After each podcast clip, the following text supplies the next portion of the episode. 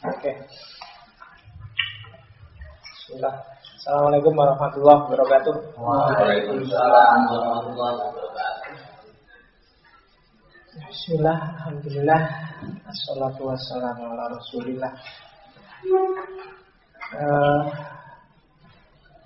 Saya tidak tahu harus mulai dari mana kita kuliah filsafat ini Dari 10, 1, 2, 3, 4, 5, 7 Dari tujuh orang yang hadir pagi ini mahasiswa semua. Ini ya. Semester berapa? Ada yang masih semester 2 Itu ya. Ada. Karena ada yang di kampusnya ada nggak mata kuliah filsafat? Entah judulnya apa aja. Ada. ada pasti ya. Sekilas-sekilas. Ya rapopo yang penting kan pernah ngerti filsafat ada yang belum pernah dapat sama sekali? Nggak ada ya?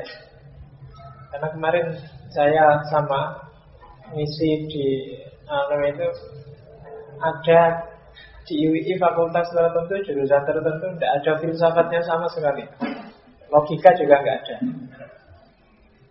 Pokoknya pengantar pengantar intinya mata kuliahnya langsung dijujut saya kira nggak udah nyala tidak apa-apa. Jangan keras keras nanti kedengaran yang barat.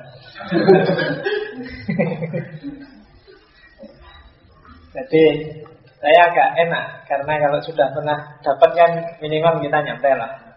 Saya nggak harus menjelaskan mulai dari paling dasar. Atau harus mulai dari paling dasar? Lebih baik. Oke ya. Eh, Bismillah. Soalnya dari sini dulu. Hati-hati ketika kita belajar filsafat ditegaskan dulu targetnya. Kamu ingin jadi filosof atau ingin jadi ahli filsafat?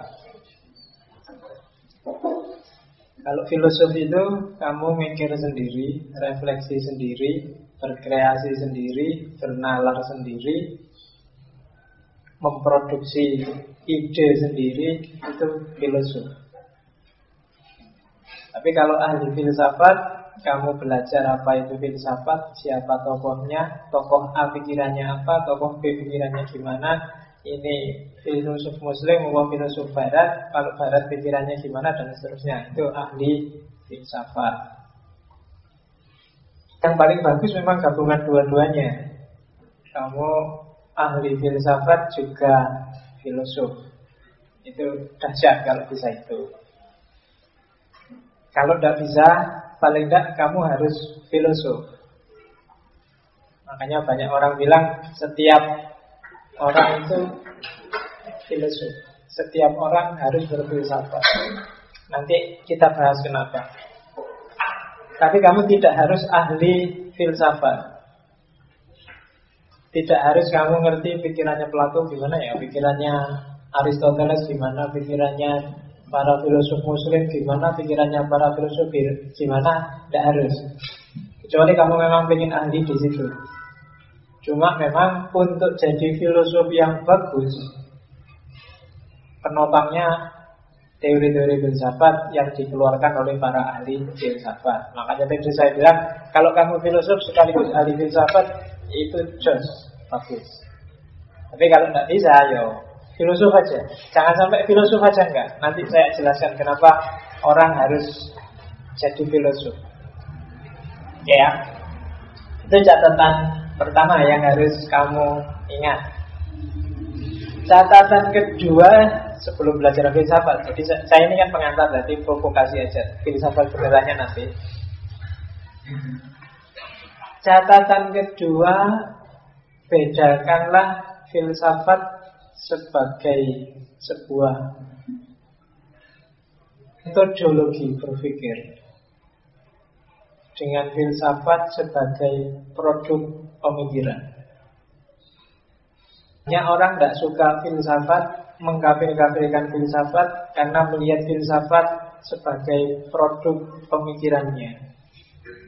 Dia tidak melihat filsafat sebagai alat untuk berpikir. Ini yang catatan kedua yang harus kamu ingat. Filsafat itu alat dengan alat yang sama bisa bikin orang sangat anti agama, tapi dengan filsafat yang sama bisa bikin orang sangat religius. Dan Nietzsche ada Iqbal, sama-sama eksistensialis, tapi yang satu eksistensialismenya sangat religius, yang satu eksistensialismenya ateis. Ya kan? Ada apa ya? Ada Mutohari, ada Mak, ada banyak yang kayak kayak gitu banyak. Maka kalau ada orang anti filsafat biasanya dia melihat filsafat as produk. Filsafat sebagai produk pemikiran, bukan filsafat sebagai alat berpikir. Filsafat sebagai alat berpikir itu mungkin semua orang memang filosof. Karena memang tidak ada metode standar baku, ini loh metode filsafat itu nggak ada. Jadi kalau kamu belajar filsafat barat, filsafat Islam akan tahu bahwa ternyata setiap tokoh itu punya gaya sendiri. Punya alur berpikir sendiri yang masing-masing orang beda-beda. Oke, itu catatan kedua. Jadi ingat-ingat itu dulu. Sekarang kita masuk di awalnya filsafat. Jadi saya akan pengantar. Jadi kamu cuma tak antarkan aja filsafat benerannya nanti. Cek jam piro Mas, Lukman? Suwi-suwi. Belajar filsafat mabuk kamu. Eh? Iya kamu enak dengerin aku sih ngomong. ya, saya nyampe nyampe. Kalau selesai dua jam dua jam. Ya, minggu. Minggu-minggu belajar filsafat lagi. Komplek masjid lagi. Saingan sama ADI lagi. Yang baiknya kita, kita kasih aja. Oke. Yang pertama, filsafat itu lahir ketika orang mulai tidak percaya dengan jawaban-jawaban mitis terhadap problem hidupnya. Pindah ke model logos. Jadi bahkan kalau kamu baca buku-buku pengantar filsafat semuanya pasti cerita Yunani dan Yunani itu sama sebenarnya dari mitos ke logos. Di mana pun filsafat berkembang pasti ada geser ketika dia maju dari mitos ke logos. Islam dulu jaya, dari tidak jaya terus jadi jaya. Pasti itu geser dari model nalar mitos ke model nalar logos. Logos ya logis lah gampang-gampangnya. Menyelesaikan masalah dengan rasio, dengan nalar, dengan akal sehat. Itu logos. Kalau mitos itu dengan jawaban-jawaban konvensi, dengan jawaban-jawaban dongeng, dengan jawaban-jawaban legenda, dengan jawaban-jawaban intuisi dengan jawaban-jawaban itu biasanya gitu. Yunani kan kalau kalian baca sebelum lahir filsafat agamanya tinggi. Religiusitasnya tinggi, religiusitas dewa-dewa. Dia percaya ada Zeus, ada Yoton, ada apalagi dewa-dewanya Yunani. Ada Hercules, ada Sina. Nah itu Salena. Tapi sebab ada apa pun dijawab dengan mitos. Bu ini kok hujan nggak berhenti berhenti. Oh ini dewa hujan, dewa laut. Dewa lautnya namanya Poseidon. Kalau Thor itu dewa petir. Mitos. Sama dengan orang Jawa. Ini hawanya kok tidak enak ya. Ini kamu nggak pernah ngasih saja mesti. Yang bau rekso di sini mesti marah. Jawaban mitos. Aku kok tidak enak ya. Jangan-jangan masih mitos. Aku kok sial terus hari ini? Mesti kamu cari jawaban yang sifatnya mitologis. Dan itu yang terjadi. Mesir kuno, India kuno, Cina kuno, Yunani kuno Peradabannya maju luar biasa. Cuma peradaban yang basisnya mitos. Mitos itu nggak selalu jelek. Tidak selalu salah. Tapi yang jelas dia tidak rasional Ketika itu tidak rasional, ciri paling utama yang tidak rasional itu biasanya tidak universal, tidak terbuka, sistemnya tertutup. Teori yang berlaku di A tidak pasti berlaku di B. Konsep yang disetujui oleh komunitas A sangat mungkin ditolak oleh komunitas B. Itu jawaban-jawaban mitis. Lawannya logis, logos. Kadang rasional itu di sini rasional, di Amerika pasti juga rasional. Sifatnya universal. Jadi validitas argumennya lebih universal dibandingkan mitos.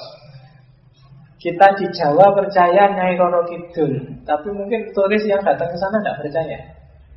Apa Nyai Roro Kidul itu? Kalau kamu kan takut, ke sana pakai baju hijau aja kamu kan takut.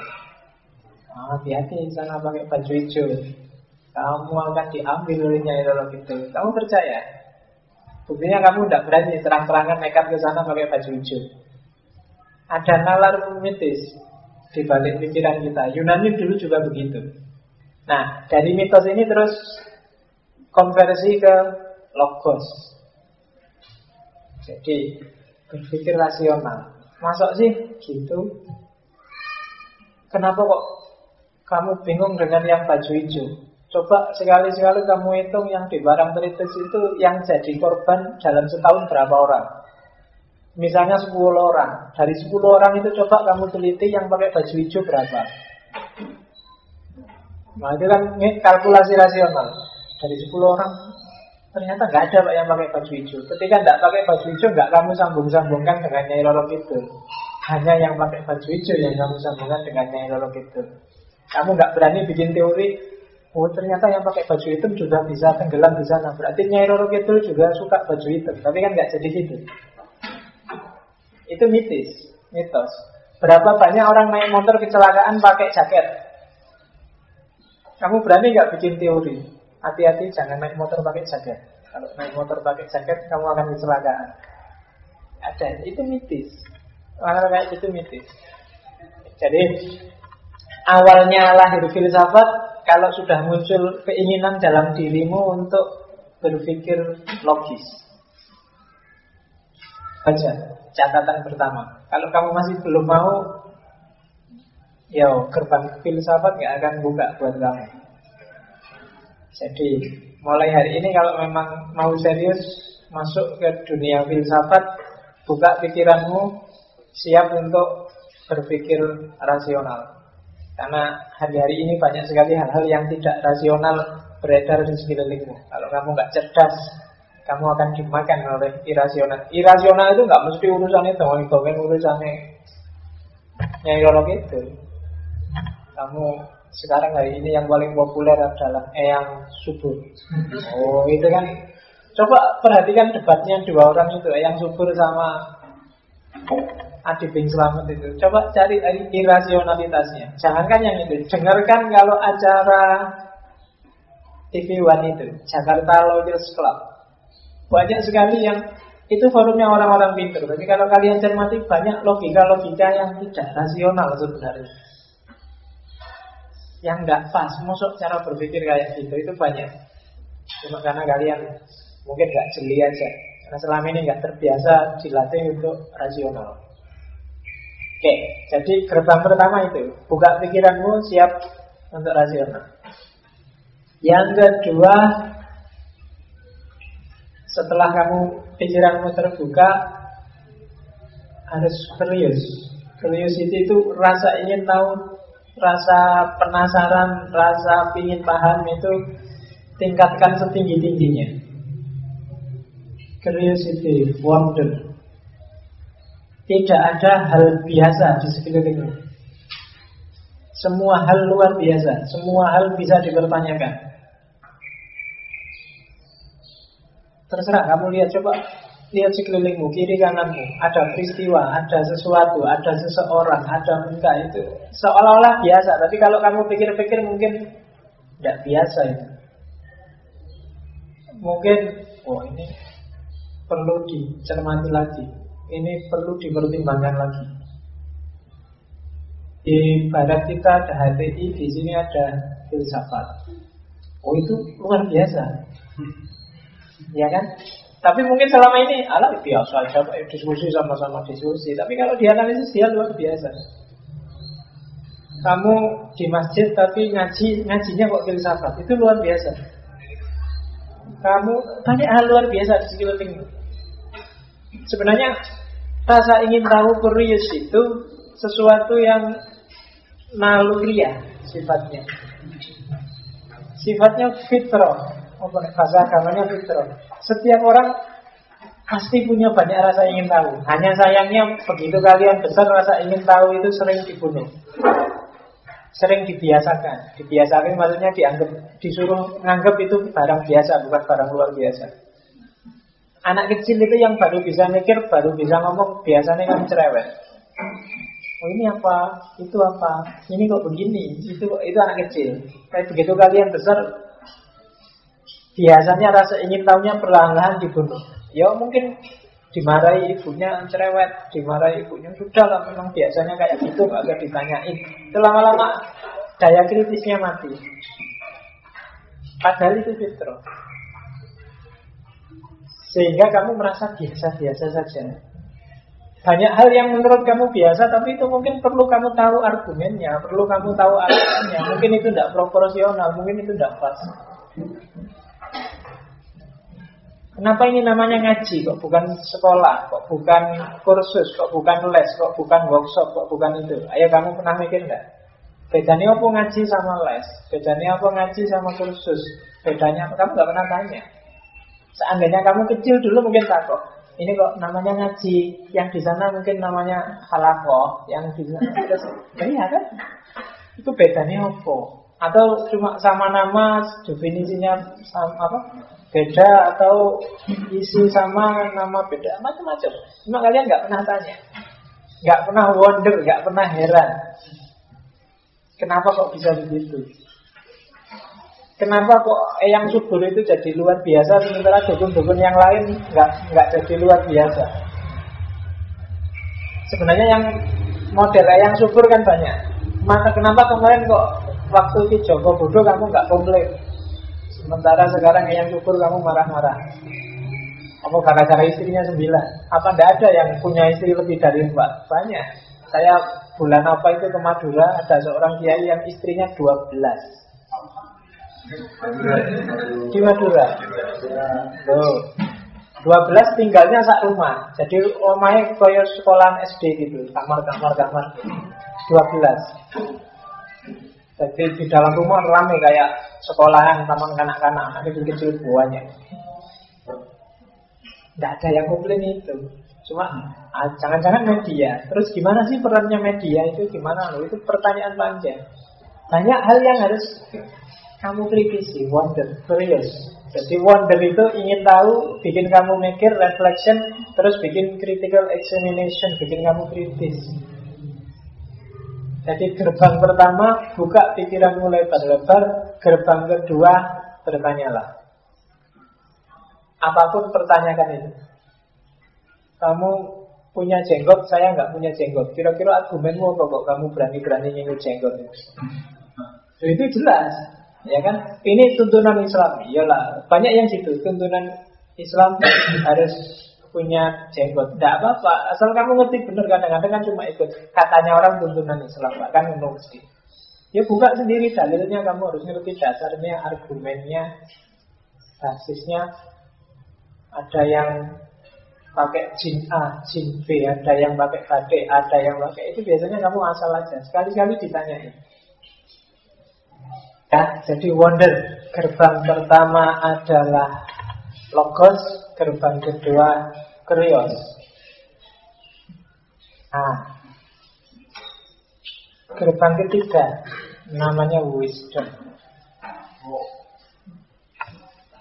Nah, memang asal katanya filsafat sendiri dari kata-kata filo, filia, ya dan Sofia. Filia, filo itu cinta, suka, gemar. Sofia itu bijaksana. Oke. Okay.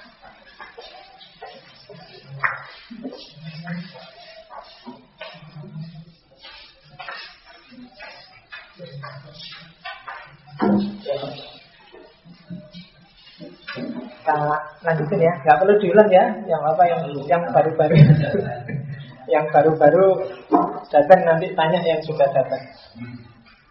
Karena yang awal-awal belum begitu penting. Sama-sama kuliah semua kan? Iya. Ya, saya lanjutkan lagi. Itu enteng mas, mahasiswa. Karena kemarin saya ada pengajian isinya kayak gini pelatihan filsafat di sini ada yang SMA, ada yang SMP, ada yang simba-simba. Stres aku itu simba-simba diajari filsafat itu terus.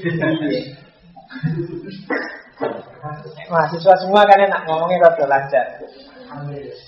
Oke, jadi selain yang awal tadi logos, yang kedua kurios, yang ketiga sofia, wisdom, kebijaksanaan. Wisdom itu kalau bahasa Inggrisnya definisinya adalah good judgment. Wisdom kebijaksanaan itu tidak sama dan tidak sebangun dengan kebenaran. Beda. Hati-hati. Jadi filsafat itu tidak semata-mata cinta kebenaran, tapi dia juga cinta kebijaksanaan. Bahasa Arabnya bijaksana itu hikmah. Makanya filsafat dalam beberapa filosof muslim lebih suka menyebut bukan falsafah tapi hikmah. Benar tidak selalu bijaksana. Bijaksana itu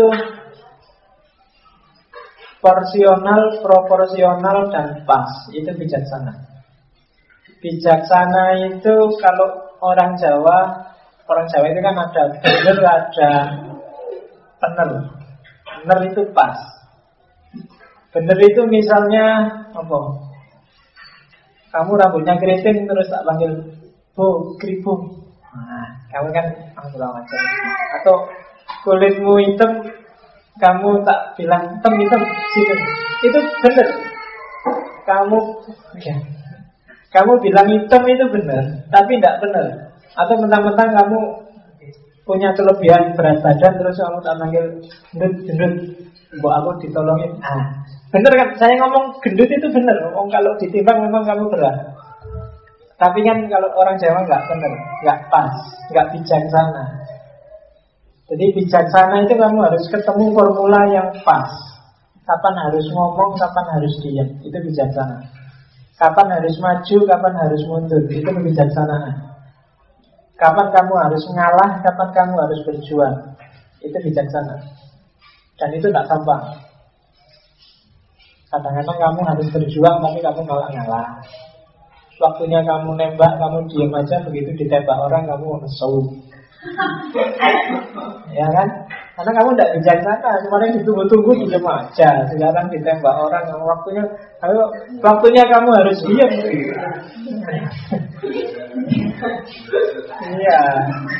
Waktunya kamu harus diam, kamu malah ngeyel. Dia sudah ditembak orang kok kamu ngeyel. Kamu dewe kemarin diam aja. Kamu tidak bijaksana. Harus pas Waktunya belajar kamu males, waktunya males kamu aneh-aneh. Ingin belajar filsafat lah, ingin belajar. Jadi hati-hati formulasi.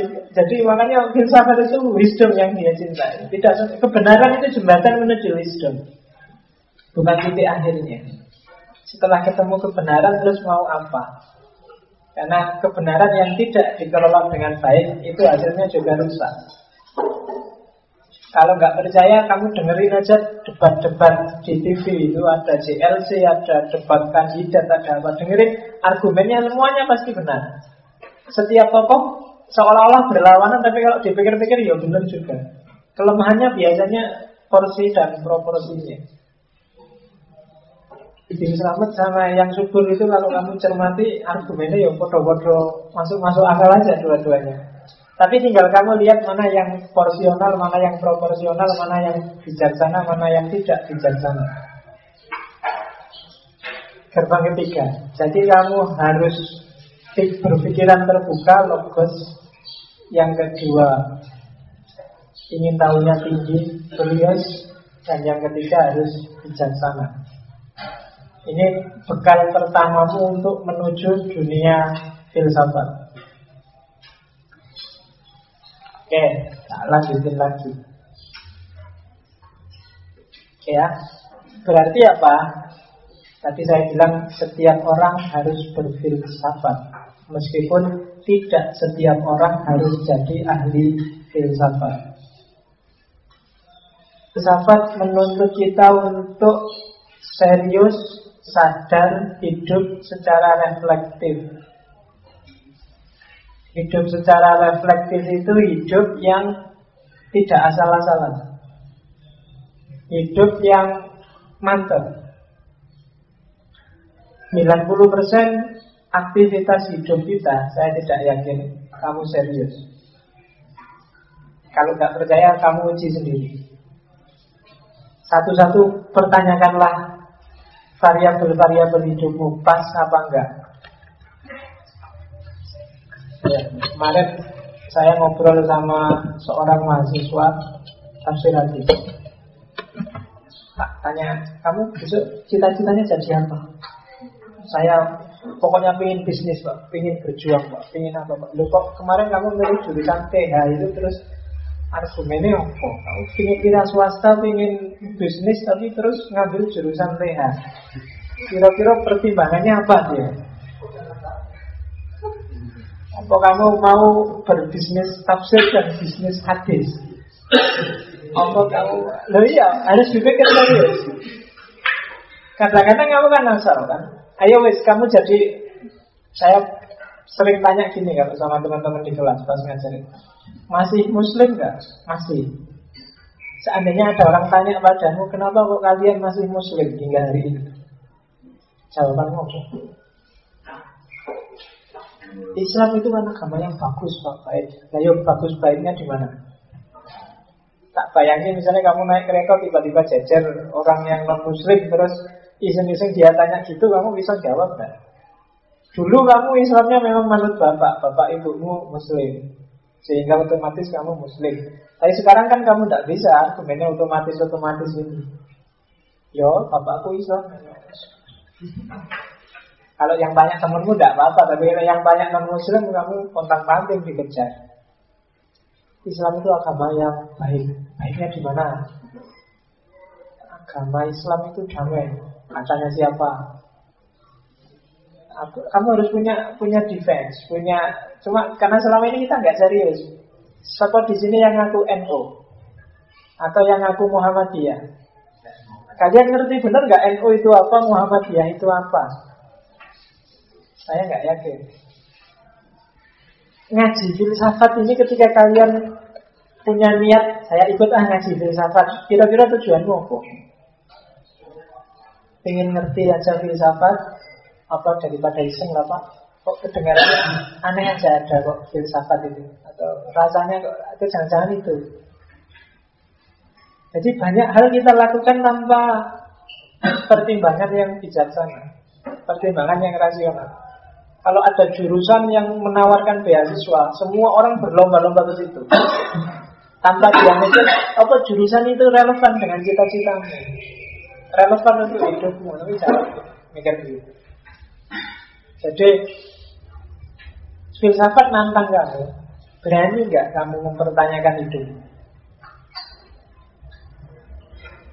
setiap orang harus berfilsafat saya bilang karena setiap orang harus serius dalam hidupnya. Kenapa kamu harus serius? Apalagi kamu muslim. Apalagi kita percaya bahwa besok ada yaumul hisab perhitungan. Kamu harus menjawab, kamu harus bertanggung jawab terhadap yang kamu lakukan. Kalau kamu nggak serius, kamu nanti kalau ditanya malaikat potong panggil. Iya, kalau nggak serius dalam hidupmu susah. Kamu dikasih amanat untuk jadi mahasiswa, itu harus serius. Menjadi mahasiswa itu harus gimana sih? Apa tanggung jawab moral, tanggung jawab sosial, tanggung jawab intelektual seorang mahasiswa. Kalau kamu nggak bisa jawab, kamu akan ditanya besok oleh malaikat. Kira-kira kalau sampai hari ini hidupmu itu porsi terbesar digunakan untuk apa? Hari ini. Apa yang lebih banyak Facebookan apa ngaji? Nah, sih, apa-apa. Minimal kamu jujur. Mana yang lebih banyak kamu gunakan nongkrong ngobrol apa belajar? Dalam seminggu berapa buku kamu baca? Dalam satu bulan lah, kira-kira kamu bisa nggak ditarget menamatkan satu buku ngaji kira-kira sak juz apa katanya sehari sak juz kira-kira bisa nggak? Seandainya kamu mau mikir level ini kan mahasiswa semua, religiositasmu zaman kamu ayah dengan zaman kamu mahasiswa itu naik apa naik kelas apa malah turun kelas? Atau atau stagnan nggak naik kelas ya pancet wae ning Oke ya, itu refleksi. Makanya agama itu sangat filosofis. Nyuruh kamu muhasabah. Nyuruh kamu tafakur. Itu kan aktivitas-aktivitas filsafat. Setiap orang harus jadi filosof. Dalam arti apa? Kamu harus tafakur terus, kamu harus muhasabah terus memperhitungkan. Kira-kira aku gini nih pas apa ya? Aku gitu itu enak apa ya? Seneng apa ya? Itu tugasnya seorang filosof. Meskipun kamu nggak harus jadi ahli filsafat, kamu nggak harus ngerti ini pikirannya filosof barat, namanya Descartes. Dia bilang gini, pikirannya nggak harus itu. Mahasiswa filsafat wajib. Tapi kalau kamu yang bukan mahasiswa filsafat nggak harus. Meskipun kalau kamu menguasai luar biasa, tidak apa-apa. Karena filsafat itu disiplin yang bagi saya elit. Rasanya kan elit kalau kamu ngerti filsafat itu rada iso gaya. Iya, seolah-olah gitu padahal kok yang ngono. Oke. Berfilsafat berarti catatan saya yang pertama mencari kebijaksanaan, mencari kebajikan yang relevan. Kuncinya ada pada yang relevan. Keyword utamanya. Kamu cari ilmu ya carilah yang relevan. Untuk hidupmu, untuk masa depanmu, untuk agamamu, untuk keluargamu. Cari yang relevan. Jangan buang-buang waktumu untuk hal yang tidak ada relevansinya sama sekali untuk hidup. Facebook penting. SMS-an penting. Tapi coba kamu hitung Postingmu di Facebook Dan SMS-SMSmu yang relevan dan fungsional untuk hidupmu berapa persen? Ya kan? Karena saya lihat postingan yang Facebook ini sini yang sedang galau nih titik-titik titik.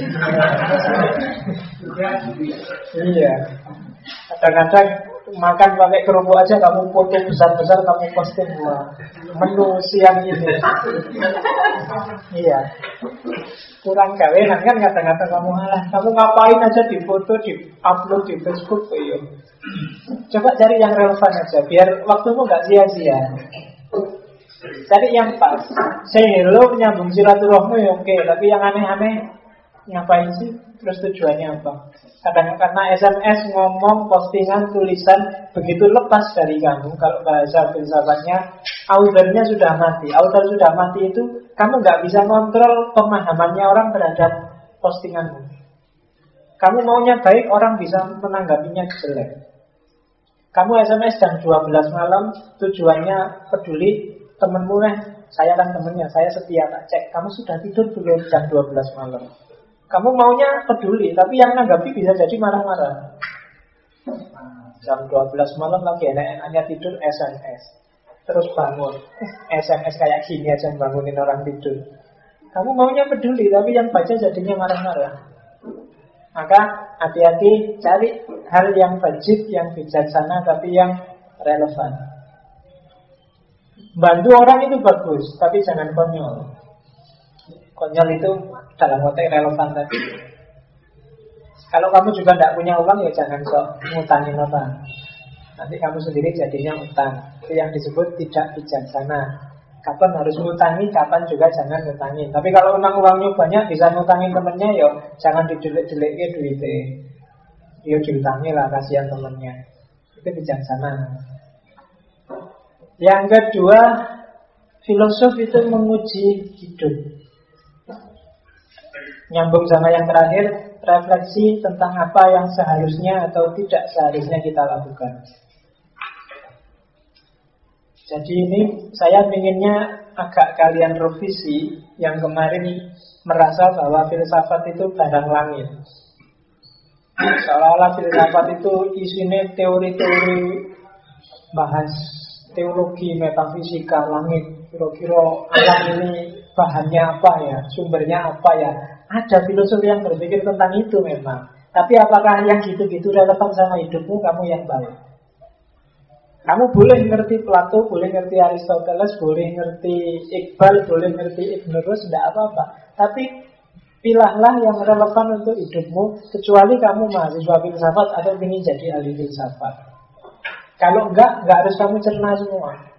Karena setiap filosof itu dia menjawab persoalan zamannya sendiri. Batengah itu corak teologisnya kuat. Ketika dia teologis maka pembahasan tentang Tuhan luar biasa. Pembahasan tentang manusia dan realitas jadi minimal di abad tengah. Coba kalian baca nanti mungkin yang di filsafat Islam kan isinya Ibnu Rus, Al-Kindi, Mutohari dan kawan itu kan bahasanya melangit semua. Tidak salah mereka, jadi konteks zamannya mereka memang urusannya langit. Besok kita bisa lihat Tuhan apa enggak. Tuhan itu janjinya kayak gimana? Besok itu ketika dibangkitkan kita itu jasadnya saja apa jasad sama roh apa rohnya saja. Oh itu debat mereka. Apa tengah? Ada yang bilang yang dibangkitkan dua-duanya jasad sama roh. Enggak bisa. Jasadnya kan sudah hancur di tanah. Loh enggak nanti sama Allah dikasih jasad baru loh. Oh enggak adil. Dulu yang berdosa jasad lama kok sekarang jasad baru yang disiksa enggak bisa. Loh, nggak adil gimana? Emangnya disiksa itu jasadnya, jasad apa rohnya? Ada yang bilang, ya rohnya loh, sakit itu kan roh, nggak urusan jasad. Kalau rohmu hilang, jasadmu dipukuli kayak apa pun nggak terasa. Oh, itu filsafat apa sebenarnya? Allah itu kayak gimana, Tuhan itu kayak gimana. Ibn Rus itu nulis kitab tebel segini, saya lupa judulnya. Hampir setengah bab dari kitab itu membahas tentang kekuasaan Tuhan. Kalian percayalah Tuhan itu maha kuasa. Tapi nanti dalam kasus tertentu banyak kontradiksi. Misalnya Bisa nggak Tuhan itu Contoh kasarnya gitu yang dibahas oleh Ibn Contoh kasarannya agak lucu.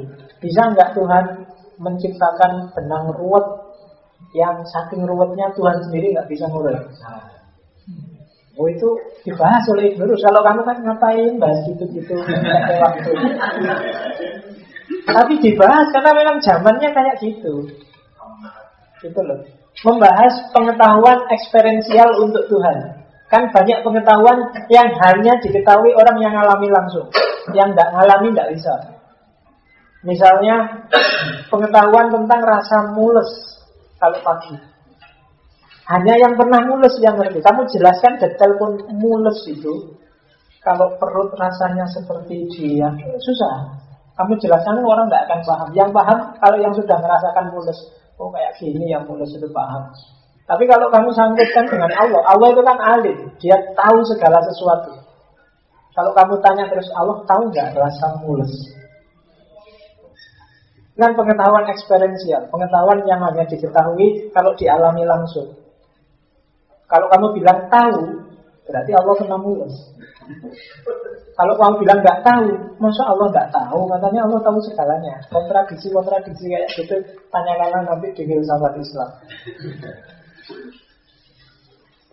Cuma itu memang zamannya kayak gitu. Kalau kamu hari ini masih membahas itu ya bingung kamu kan? Ngapain buang-buang waktu bahas itu? Sekarang itu yang dibahas urusan demokrasi, urusan kan gitu kamu, temamu hari ini. Karena memang zamanmu itu. Tidak apa-apa. Maka kamu harus refleksi sendiri. Ahli filsafat yang luar biasa itu kadang-kadang terasa melangit karena dia tidak filosof. Tidak filosof itu dia tidak bisa memproduksi ide sendiri sesuai konteks zamannya. Maka banyak dosen filsafat, orang yang pinter filsafat kamu memahaminya pontang-panting harus mungkin sambil pening, sambil mengkerut, sambil stres, sambil itu karena apa? Pikiran-pikirannya nggak nyambung sama hidupmu. Ide-idenya ide-ide yang nggak relevan sama realitas sekarang. Kamu bahas Plato tentang arti inti alam. Kamu mesti potong lagi. Kenapa bisa? Intinya alam itu apa kan kamu bingung. Tapi zaman Yunani dibahas inti alam. Ada yang bilang air, ada yang bilang api, ada yang bilang empat unsur, ada yang bilang macam-macam. Zaman itu. Berarti kalau hari ini kamu bahas itu diketawain orang. Karena zamannya sudah berubah. Oke, okay berfilsafat jelasnya di depan tak lompat aja. Tugas utamanya filsafat ini sebenarnya. Kalau kamu ingin jadi filosof, lakukan tiga hal ini. Yang pertama, clarifying concept. Memperjelas konsep. Yang kedua, criticizing, mengkritisi. Yang ketiga, constructing argument. Bikin argumen. Karena di depan teman-teman sudah ada minuman, silahkan diminum. Ya, kalau orang Jawa kan harus dimanggaki, jangan-jangan nggak diminum karena nggak dimanggaki. Oke. Okay. Yang pertama, clarifying konsep. Filsafat itu punya tugas memperjelas konsep. Apa harus diperjelas konsep itu? Karena konsep itu jembatannya orang berpikir. Kamu ngomong, kamu berkata, kamu berpikir itu semua kan pakai konsep-konsep. Orang sering kacau dan rancu pikirannya ketika konsepnya berbeda. Sama-sama ngomong tentang perempuan, mungkin definisimu tentang perempuan dengan saya tentang perempuan beda. Setiap orang punya konotasi beda-beda. Jangan sampai kamu ngomong yang nggak ngerti maksudnya yang kamu ngomong. Konsep yang kamu omongkan. Biasanya penyakitnya mahasiswa baru. Senangannya pakai istilah-istilah jos. Hari ini kita harus merubah paradigma demi eksistensi kita sebagai agent of change yang harus melakukan perubahan secara evolutif demi ngomong apa ya kan? Ngomongnya bertaburan istilah-istilah. Kalau ditanya satu-satu kamu mesti langsung kamu nafur paradigma itu apa? Agent of change. Agent itu apa? Change itu apa? Ya kan? Eksistensi itu apa? Evolusi itu apa? Ya tak pakai siji-siji kamu mesti penting. Jangan pakai istilah rumit kalau kamu nggak ingin pening sendiri. Ya kan? Clarifying konsep, perjelas dulu konsepnya. Latihan bikin konsep. Latihan memperjelas. Karena kamu hidup di dunia yang sudah terberi kalau bahasanya Heidegger. Dunia yang sudah kamu itu orang yang terlempar dalam fakta. Kalau bahasa Heidegger faktisitas. Tiba-tiba aja kamu jadi mahasiswa, iya ya. Terus mahasiswa itu apa ya? Itu kamu terlempar dalam fakta-fakta. Dan itu bikin kamu tidak kritis. Seolah-olah ya dunia ini ya kayak gini ini nggak ada masalah. Padahal mungkin banyak sekali masalah. Apalagi yang sifatnya konseptual. Maka kalau ingin jadi filosof, latihan bikin definisi, latihan bikin konsep. Dan bab pertama buku logika itu pasti definisi. Karena memang nyawanya di situ. Jangan sampai kamu ngomong nggak ngerti definisi yang kamu omongkan. Nah itu tidak gampang, ada teorinya. Jangan ngawur. Coba latihan. Misalnya definisikanlah yang paling simpel aja. Kursi. Kursi itu apa kalau menurut kamu? Tempat untuk duduk. Apa pasti kursi?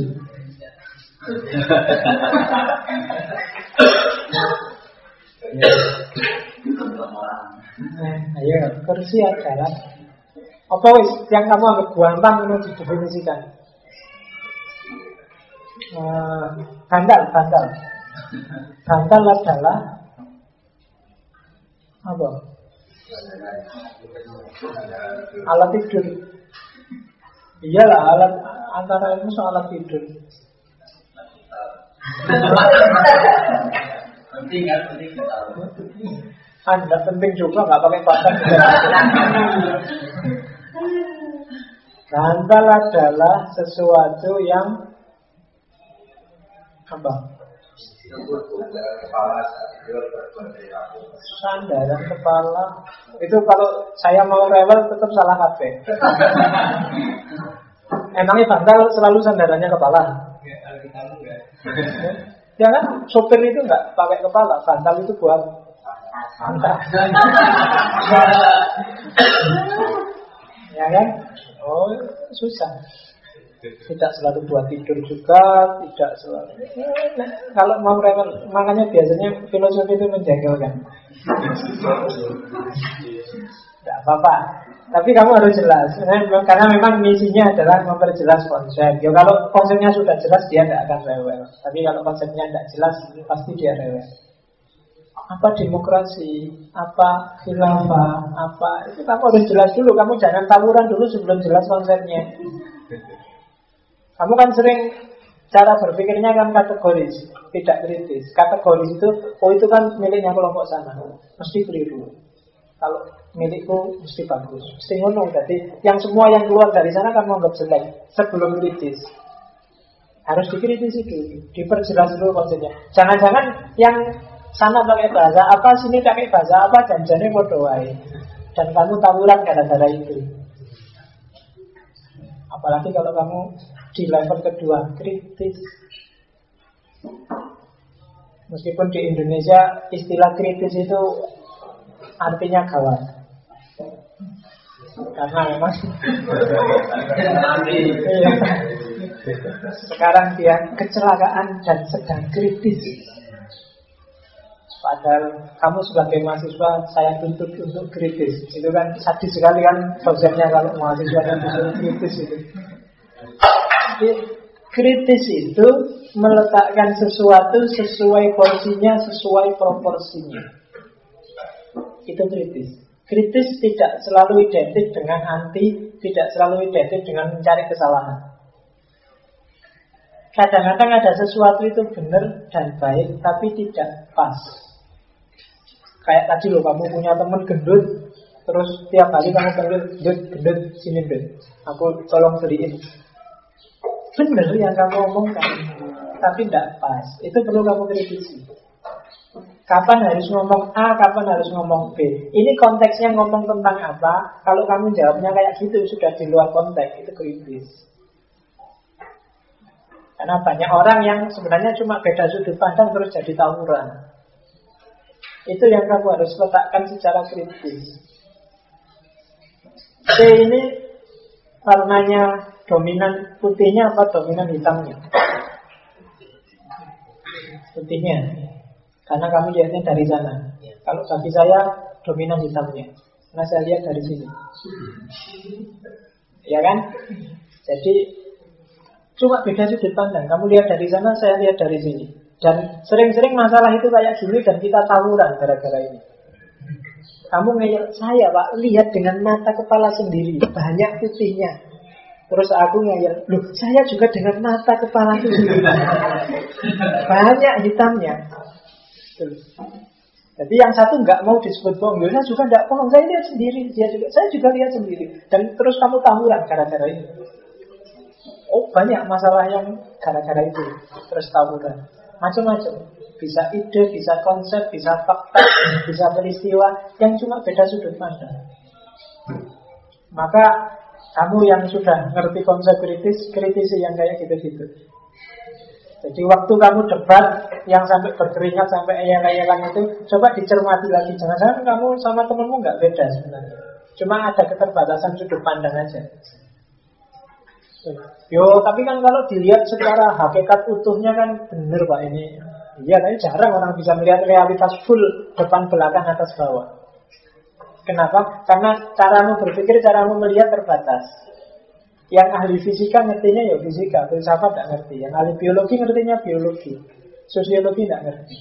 Ada sesuatu yang dari sudut sosiologi dia bagus, tapi dari sudut agama dia jelek. Ada sesuatu yang secara biologis kesehatan dia jelek, tapi secara ekonomis dia bagus. Maka melihatnya jangan cuma satu. Rokok itu mungkin dari sudut pandang sana halal, dari sudut pandang sini haram, dari sudut pandang sini mungkin sunnah, dari sudut pandang sini mungkin wajib tergantung konteksnya. Loh iya kan? Mungkin kamu yang sudah terbiasa ngerokok tiap hari, saya pak, kalau nggak ngerokok, nggak iso mikir. Kalau saya nggak bisa mikir, kuliah pun nggak selesai-selesai. Kalau kuliah itu tidak selesai-selesai, kasihan orang tua. Maka rokok itu wajib dalam rangka birrul walidain. Iya. Golek golek bener lah. Jadi ini harus kayak gitu. Makanya dalam Islam itu kan hukum itu tidak cuma halal haram. Ya orang sekarang aja agak genit. Emangnya hukum itu selalu halal sama haram. Ada makruh, ada mubah, ada sunnah macam-macam. Mungkin dalam konteks tertentu ini cuma makruh aja nggak sampai haram. Tapi yang ini sunnah aja nggak sampai kan gitu. Cuma kamu sekarang kan bingung isinya mesti tidak wajib yo haram. Pacaran wajib apa sunnah apa makruh apa mubah harusnya pacaran haram. Yang ini halal, yang ini haram, yang itu halal. Ini itu fikihnya besok kalau masih itu. Fikih itu kategori judgementnya lima. Ada yang cuma mubah aja suka-suka kamu. Facebook haram, lo nanti dulu. Memangnya harus sampai sampai haram gitu, ya kan? Jadi konstruksi yang terakhir bikin argumen. Bikin argumen itu seorang filosof harus secara kontinu bertanya mengapa. Kan banyak mengapa, hasilnya pasti argumen. Mengapa kamu begini? Mengapa kamu begitu? Mengapa kok kalau orang kota itu cenderung individualis? Mengapa kok orang desa itu lebih mudah diajak bertemu royong? Mengapa itu mengapa? Itu bikin argumen. Dan itu tugasnya filosof. Saya bilang di awal, filosof itu menyarankan hidup yang tidak asal-asalan. Dan di antara cara hidup untuk tidak asal-asalan adalah tanyakanlah mengapa. Mengapa kok saya harus kuliah? Mengapa kok harus ada uang? Mengapa kok Mengapa? Tanya aja mengapa. Itu nanti lahirnya pasti argumen. Jangan takut. Jadi perjelas konsep.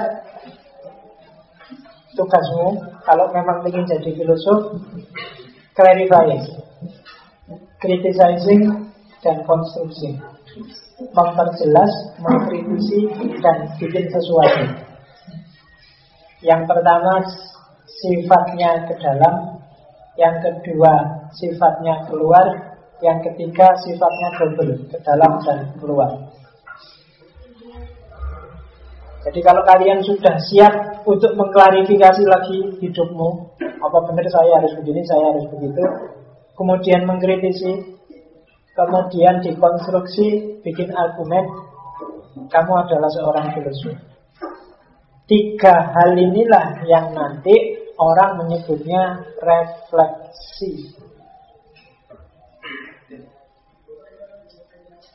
Dari refleksi inilah nanti baru bisa lahir Kalau ingin hidup yang baik Dari refleksi lahir namanya aksi.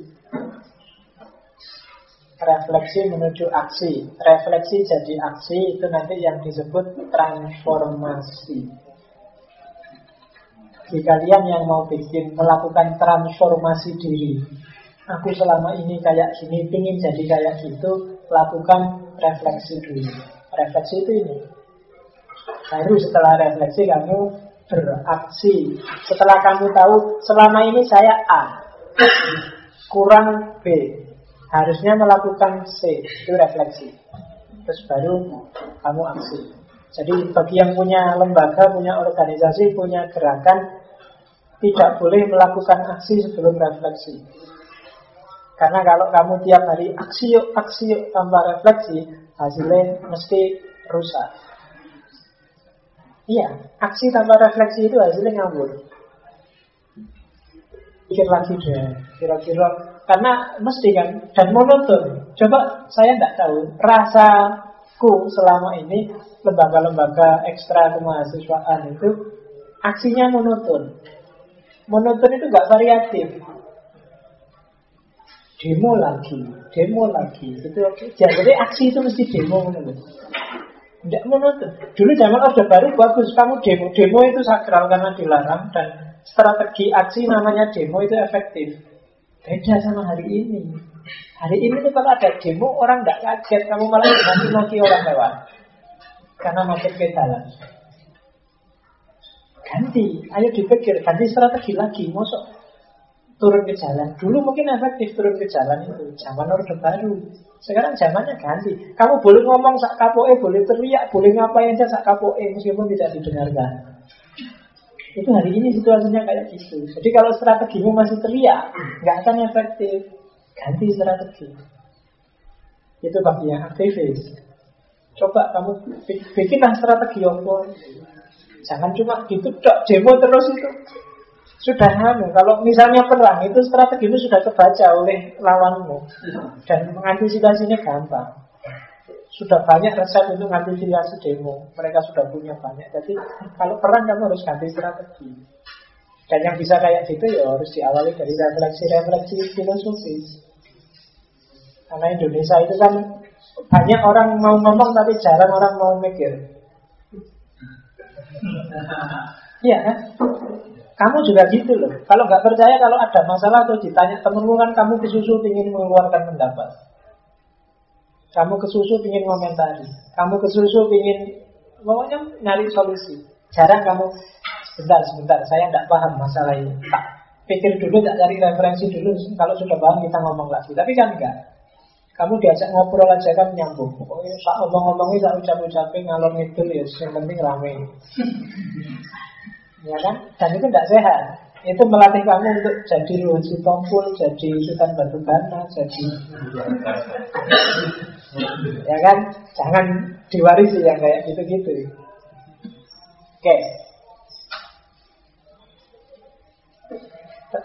Bagian pertama yang terakhir nanti dialog terus kalau sudah selesai bagian kedua karena waktunya panjang.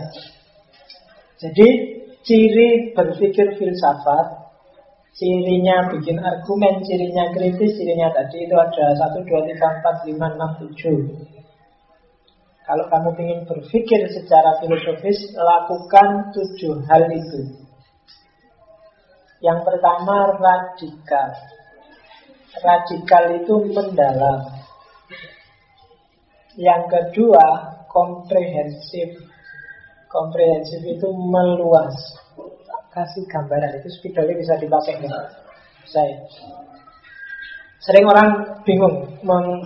Jadi filsafat itu harus komprehensif. Apa-apa dicakup, tapi dia juga harus radikal. Komprehensif dan radikal ini dalam rangka apa? Mencari hakikat. Nah, banyak orang bingung yang dimaksud mencari hakikat itu kayak gimana. Contohnya gini, komprehensif itu berarti semua variabel yang ada dalam masalahmu harus disebut. Kamu mau bahas tentang masjid, misalnya kamu cari apa sih sebenarnya masjid, hakikatnya masjid itu. Pertama-tama kamu harus komprehensif. Komprehensif itu sebut semua variabel yang ada hubungannya sama masjid.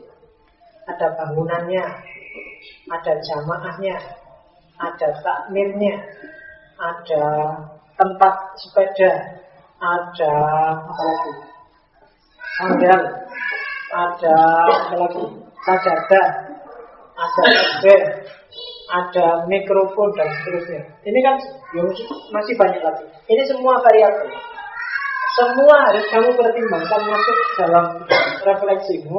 Itu namanya komprehensif. Jangan sampai ada yang ketinggalan. Semakin banyak variabelnya, semakin lengkap pemikiran itu semakin valid.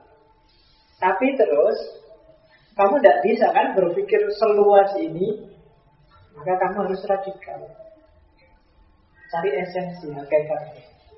Caranya gimana? Variabel-variabel ini kamu cermati satu-satu, mana yang dia harus ada. Misalnya ini kan tentang masjid. Mana yang kalau dia nggak ada status masjid itu dipertanyakan. Kalau dia ada, berarti status masjid terjamin. Atau kebalikannya, kalau dia nggak ada pun masih bisa disebut masjid. Itu namanya hakikat. Misalnya, kalau nggak ada bangunannya masih bisa disebut masjid nggak? Nggak, berarti dia esensial. Kalau nggak ada jamaahnya, masih bisa disebut masjid nggak? Masih ya? Jadi dia nggak esensial. Kalau nggak ada takmirnya, masih ya, nggak penting. Kalau nggak ada tempat sepedanya, masih. Nggak ada sandal, nggak ada sajadah, nanti banyak variabelnya. Nggak ada imamnya masih dari masjid nggak? Masih.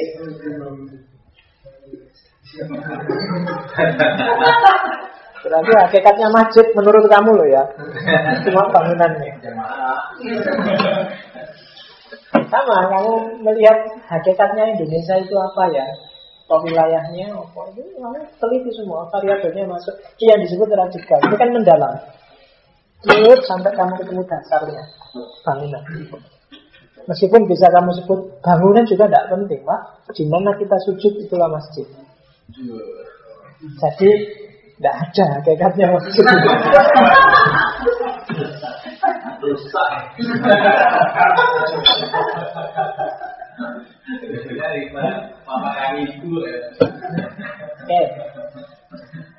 Bukan kamu sendiri yang bilang jamaah tidak inti, imam tidak inti, lah kamu dewa sendiri Oke. Yo, silakan dibahas lagi. Yang ketiga kritis, kritis kayak tadi, proporsional, porsional. Yang ketiga konseptual, reflektif. Jadi akalnya harus operasi. Konsep-konsep, oh kalau kayak gini ini namanya kafir, kalau kayak gini namanya masih mukmin, kalau kayak gini cengengesan, kalau kayak gini serius, dengan berpikir konseptual. Kamu harus punya konsep. Kalau nggak punya konsep, kamu bingung. Realitas itu penting, tapi realitas nggak akan bunyi kalau pikiranmu cair, nggak punya konsep, nggak punya bingung kamu. Tuh. Kamu harus sudah punya konsep tentang kursi, tentang sepatu, tentang kelas, tentang itu kan konsep-konsep yang ada di kepala. Itu harus dipakai untuk analisis. Itu ciri pemikiran filosofi. Jadi filsafat tidak sekedar membunyikan realitas, tapi dia juga melakukan konseptualisasi. Yang kelima, koheren konsisten. Koheren itu berpikirnya runtut, nyambung. Kalau konsisten itu berpikirnya tidak loncat-loncat. Sama. Jadi orang berpikir filosofis itu harus jangan loncat-loncat. Jadi runtut itu sekuen. Jadi runtut itu saya ingin mengkaji masjid. Pertama-tama saya ingin neliti tentang definisinya masjid itu apa yang selama ini dipahami orang. Kemudian yang kedua saya ingin masjid dalam kitab-kitab kuning itu apa. Itu runtut, ada sekuennya, harus jelas. Dan itu berhubungan dengan sistematis metodis. Nggak boleh acak. Runtut dan sistematis. Jadi sekuennya jelas dan terstruktur. Dan yang paling akhir, ini yang agak susah ditanggung adalah bebas sih, tapi kamu harus tanggung jawab. Yang berat itu tanggung jawab. Karena berpikir itu kamu harus berani menanggung segala resiko dari pikiranmu ketika sudah kamu ekspresikan. Bebas. Berpikir itu pasti bebas. Tidak ada orang yang berpikir tidak bebas. Tidak ada satupun yang bisa menghalangi orang berpikir. Dicegah, dibatasi bisa, diatur bisa, tapi tergantung masing-masing orang mau nggak dia diatur. Kalau saya mau bebas ya, meskipun mengekspresi pemikiran itu tidak bebas, tapi berpikir itu pasti bebas. Kalau nggak percaya coba aja. Kamu pengen mikir apa aja boleh kok. Seandainya saya jadi presiden, nggak ada orang yang bilang kamu makar gara-gara kamu mikir jadi presiden. Iya kan? Kamu membayangkan saya ingin Meskipun yang jahat-jahat Yang jelek-jelek Yang itu kamu tidak bisa orang melarang pikiran. Awas loh, jangan berpikiran kotor loh. Jadi kalau memang isinya pikiranmu kotor Ya kotor aja. Jangan membayangkan yang tidak-tidak. Tapi ya kalau memikirmu ya aneh-aneh Ya bayanganmu ya sing ora-ora Orang tidak bisa menghalangi secara memikir. Kalau nggak ada coba sendiri. Siapa yang bisa menghalangi kamu berpikir? Ekspresi dari pemikiranmu baru orang bisa komplain, bisa marah, bisa menghalangi, bisa ini. Di situlah letaknya tanggung jawab. Jadi jangan takut apa bisa pak Bebas berpikir bisa Cuma bebas mengekspresikan pemikiran Itu yang kamu harus tanggung jawab karena tidak tidak selalu bisa begitu. Kadang-kadang menurut kamu benar, tapi kalau kamu ngomongnya langsung hari ini, orang bisa marah. Nah, itu kamu harus tanggung jawab karena kamu yang ngomong. Sebenarnya memang kamu omongkan. Tapi aktivitas mikirnya sendiri bebas. Jadi cirinya pemikiran filsafat itu bebas dan tanggung jawab. Kamu jangan marah Loh ini kan pikiran saya sendiri, ya. Tapi karena sudah kamu omongkan, maka kamu harus tanggung jawab dengan yang kamu omongkan. Bukan dengan yang kamu pikirkan, karena mikirnya kamu bebas. Ya, jadi radikal, komprehensif, kritis, reflektif, konseptual, koheren dan konsisten, sistematis dan metodis, yang terakhir bebas dan bertanggung jawab. Semua dari 1, 2, 3, 4, 5, 6, 7 itu Kalau kita ringkas jadi satu Bahasanya cuma satu adalah Akalmu harus sehat Itu aja Akal sehat Dan waras Iyalah, sehat bahasa Indonesia ya benar waras bahasa Jawa. Jadi akal sehat. Bekalnya itu aja sebenarnya akalmu sering sakit oleh banyak pengaruh dari luar, oleh obsesimu, oleh nafsumu, oleh ambisimu, oleh fantasimu. Hati-hati. Apalagi yang namanya fantasi itu kan, itu sering merusak pikiranmu. Mikir sing aneh-aneh, membayangkan yang aneh-aneh, menghayalkan yang tidak perlu, tidak penting, menghabiskan waktu, itu yang sering. Membuka konten yang nggak beres di internet itu kan sebenarnya mikir aneh-aneh, mengotori pikiran. Ada yang masih rajin? Tidak. Sudah diblokir ribuan situs ya kamu masih lebih pintar. Masih nemu aja ya gitu-gitu. Iya, oh, iso ya, pinter lah. iya. Padahal apa sih menariknya? Saya tidak tahu menariknya di mana. Yang jelas tidak menarik sih kan mendorong, mendorong kamu berpikir yang tidak tidak. Ya, dihindarilah. Itu bikin sebenarnya kamu bisa protes bahwa itu kan alami, Pak. Fitro, fitro apa? Ya kan? Bahwa kamu suka dengan yang itu-gitu ya, tapi tidak semua yang kamu suka harus dituruti kan?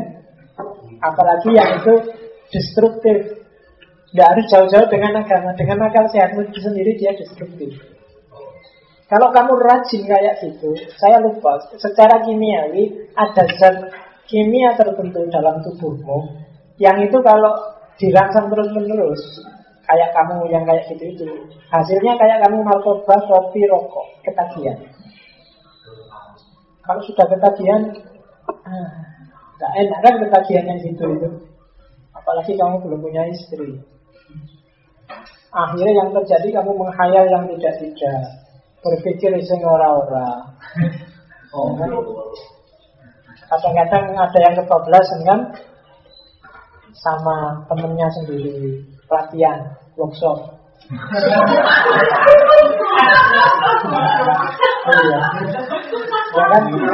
Kan sekarang banyak. Mungkin baru dapat materi, wah saya dapat materi bagus nih. Gimana kalau kita bikin pelatihan Ya, ya hati-hatilah. Jadi karena kuncinya di akal sehat. Kalau memang sudah anu, mantap hatimu ingin berfilsafat, biarkan akalmu sehat, jangan dikontaminasi yang itu. Yo gradasi lah kalau memang sudah sering gitu. Kalau selama ini seminggu tiga kali ya jadi sekali aja lah. ya. Atau mulai sekarang saran saya waktumu untuk internetan, Facebookan dan kawan-kawan kurangilah secara gradual. Coba aja. Nanti akan ada banyak aktivitas lain yang bisa kamu lakukan selain nongkrong dan mangku laptop. Karena biasanya kalau sudah gitu, karena memang dunia ada di pangkuanmu begitu pegang laptop. Hanya saja kamunya sendiri belum bisa melakukan filter terhadap dirimu sendiri untuk melakukan yang bermanfaat. Maka caranya ya sementara diingat dulu. Kayak para sufi itu loh ketika dia merasa tidak bisa lepas dari dunia, untuk sementara dihindari dulu dunianya.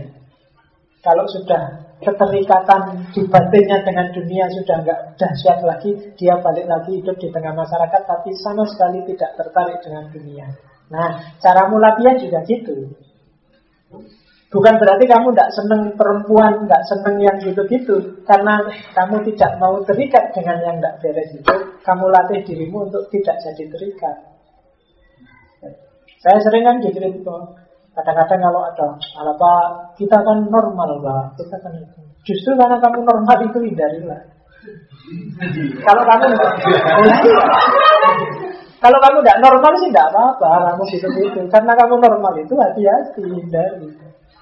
Oke ya, cara berpikirnya dibalik gitu. Jangan mentang-mentang normal terus kamu lampiaskan sesudah hatimu. Oke, karena barang itu barang sakral. Kalau dibuka jadi nggak menarik.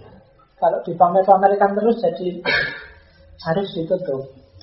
Jadi pikiranmu juga gitu, jangan diisi yang gitu-gitu. Kalau terlalu banyak konten itu, konten yang lain yang reflektif kritis nggak masuk. Betul. Dan ini kan lebih dasar daripada ceramah kayak gini kan kamu lebih penting nonton TV, nonton internet, mending-mending gitu kan. Karena memang di sini ada saraf-saraf tertentu yang mengarah ke situ. Makanya hati-hati, dibentuklah bebas dan bertanggung jawab. Kamu bebas, tapi pertanggung jawaban. Pertanggung jawaban itu nggak harus untuk orang lain tuh. Yo, kalau karena kita muslim, pertanggung jawabannya juga ke atas.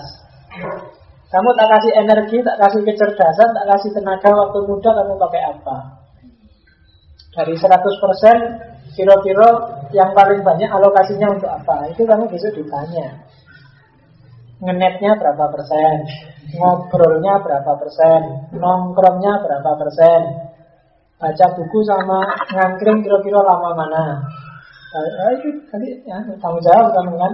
Karena enggak, kamu ini dapat fasilitas Ya, nggak setiap orang kan bisa menikmati fasilitas kayak kamu bisa kuliah. Jadi elit nggak kerja tapi dikirimi uang terus dan dianggap kelompok intelek. Ini kan luar biasa. Padahal kamu di sini cuma nongkrong sama gitaran kan, tapi kalau kamu pulang kan merasa ini loh mahasiswa elit intelektual Indonesia kan kamu merasa gitu. Padahal seminggu sekali pegang buku nggak mesti. Maka anugerah itu harus memanfaatkan sebaik-baiknya. Oke, bagian pertama provokasi filsafatnya saya kira sudah. Nanti kalau masih ada sesi kita masuk ke bagian kedua yang agak teknis. Ada pertanyaan. Iyalah, karena kalau saya ngomong sendiri kan enaknya kamu. Saya yang capek. Silakan. Pertanyaan, komplain, usulan Boleh untuk saya, boleh untuk panitia Dan saya nggak ngomong sendiri. Oke, nggak ada. Ini bukan ceramah di masjid loh ya. Ini dialog loh. Saya mau uh, Sebenarnya kalau tadi Berbicara lebih sama itu Pikiran kita harus tidak kotori Saya itu fantasi, ambisi Ada. Yang perlu kita sebagai generasi muda. Ini kan generasi muda hari ini kenapa tidak berjalan? Kalau kenapa ada kata-kata galau dan sebagainya itu karena saya melihat generasi muda ini tidak bisa bertahan melawan itu semua, melawan apa ya, melawan pengotoran pikiran yang tanpa sadar dan itu secara naluriah itu dikontrol secara alam bawah sadar. Saya melihat betul media itu sangat hebat karena masuknya uh, insting bawah sadar. Itu yang yang yang menarik di situ.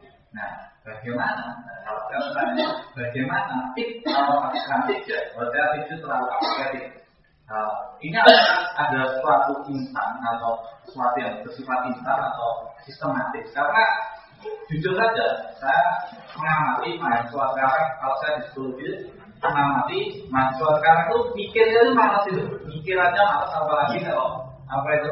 Kalau diajak apa-apa itu mikir aja malas mikir itu kan yang bebas dan kayak gitu. Mikir aja udah malas ini karena bisa oleh mengamati dan sebagainya.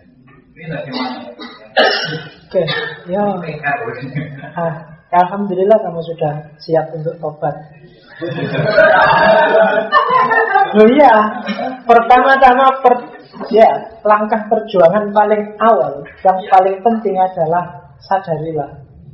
Itu aja sudah luar biasa. Orang Indonesia kenapa kritisnya nggak selesai-selesai? Nggak banyak orang sadar. Kamu sadar dulu itu sudah 50% dari perjuangan. Tapi terus jangan berhenti di sadar. Harus ada upaya. Setiap orang punya strategi sendiri-sendiri kok. Rancang aja sesuai kamu. Versimu. Saya nggak harus nasihatin ini baik loh, ini buruk. Kamu referensimu itu lengkap sudah di kepala. Kamu hidup 20-an tahun lebih itu pasti di kepalamu sudah. Ini baik, ini buruk itu lengkap. Apalagi kalau akalmu sehat itu kamu sudah ngerti mana yang boleh atau tidak boleh. Dan kamu tidak harus capek-capek ini dalilnya apa, Qurannya apa, tidak. Akalmu sehat aja kamu sudah ngerti kok. Ini nggak boleh, ini nggak layak, ini nggak sopan, ini nggak pas. Itu harus ngerti diri. Pikiran itu habit. Biasa. Ingat-ingat ini kuncinya. Pikiranmu itu, kalau kamu biasakan dengan yang baik-baik, yang semangat-semangat, yang positif-positif, hasilnya akan positif. Tapi kalau kamu biasakan dengan yang negatif-negatif, yang jelek-jelek, hasilnya akan jelek. Latihlah. Biasakan dia dengan yang baik-baik. Biasakan dia dengan yang maju-maju, yang progres-progres. Jangan biasakan dengan yang destruktif. Itu paling gampang ya kayak tadi. Ketika kamu rajin survei yang jelek-jelek, pikiranmu akan terbiasa. Dan dia akan memproduksi sendiri justifikasi-justifikasi. Pembenaran-pembenaran yang semula jelek. Bisa jadi lama-lama terus jadi baik. Jadi biasa awalnya terus naik lagi jadi baik. Awalnya kamu agak gimana ya kok nonton gambar kayak. Terus lama-lama eh kelihatan lagi. Eh kelihatan lagi lama-lama. Eh ada yang lain nggak? Dan terbiasa sudah pikiran. Kemudian dia akan memproduksi justifikasi-justifikasi. Ah enggak apa-apa, cuma lihat kok. Lebih dahsyat orang yang melakukan yang selingkuh, yang anu itu. Saya kan cuma lihat gini. Enggak apa-apa. Cuma lihat aja kok, nggak melakukan sendiri. Dosa ya dosa kecil, kayak gini dibandingkan yang korupsi tidak ada apa-apanya apa sih gini. Dia akan memproduksi justifikasi justifikasi. Ini hak asasi kok saya lihat kayak gini kan urus-urusanku sendiri. Nanti akan gitu juga. Misalnya kamu yang sama pacarmu rajin belajar bersama sampai jam 12 malam di kamar. Itu awalnya kamu akan takut luar biasa mungkin bingung, tapi lama-lama akan ada pembiasaan-pembiasaan dan akan dia akan memproduksi justifikasi sendiri. Kalau sama pacar-pacarku sendiri suka sama suka, nggak ada paksaan. Kalau ada resiko kan tak tahu tanggung sendiri. Ngapain sih orang-orang itu rewel? Kan begitu. Dan lama-lama kamu terbiasa dan pembiasaan. Maka sebelum terlanjur, biasakanlah akalmu dengan yang sehat-sehat, yang baik-baik, yang benar-benar. TV juga begitu. Kalau kamu merasa tidak, kamu merasa lemah dan sangat mudah terpengaruh, iya. Ganti aja channelnya, kamu nggak usah nonton yang gitu-gitu, nonton aja SpongeBob apa nonton. ya kan? Jadi atau kalau nonton TV ya tontonlah biasa-biasa aja, anggap aja nonton film. Kalau nonton film kan gitu kan. Waktu nonton aktornya nangis kamu ikut nangis sedih, tapi habis nonton film kan biasa lagi. Udah lah, cuma film. Jadi kalau kamu nonton TV anggap aja itu acting. Nggak tenangan. Coba aja. Di TV itu debat mati-matian kayak mau pukul-pukulan begitu acara ditutup ketawa-ketawa salaman. Sementara kamu yang lihat tadi masih marah, masih Iya kan? Iya. Begitu ya kita akhiri acara sekian terus salam-salaman sementara kamu masih kurang ngajar masih gitu. Dia sudah salaman ketawa-ketawa. Maka anggap aja itu acting gitu aja. Tidak usah dimasukkan lagi. Kamu cari sendiri kebenaranmu, kebijaksanaan versimu. Jangan takut. Jadi karena kamu tanggung jawab sendiri nanti, jangan mau gampang dipengaruhi orang. Kalau kamu tidak butuh filsafat, tidak harus ikut ngaji filsafat. Jangan mau dipengaruhi sama panitianya. ya, karena kamu yang ngerti butuhmu apa untuk hidupmu. Gitu loh.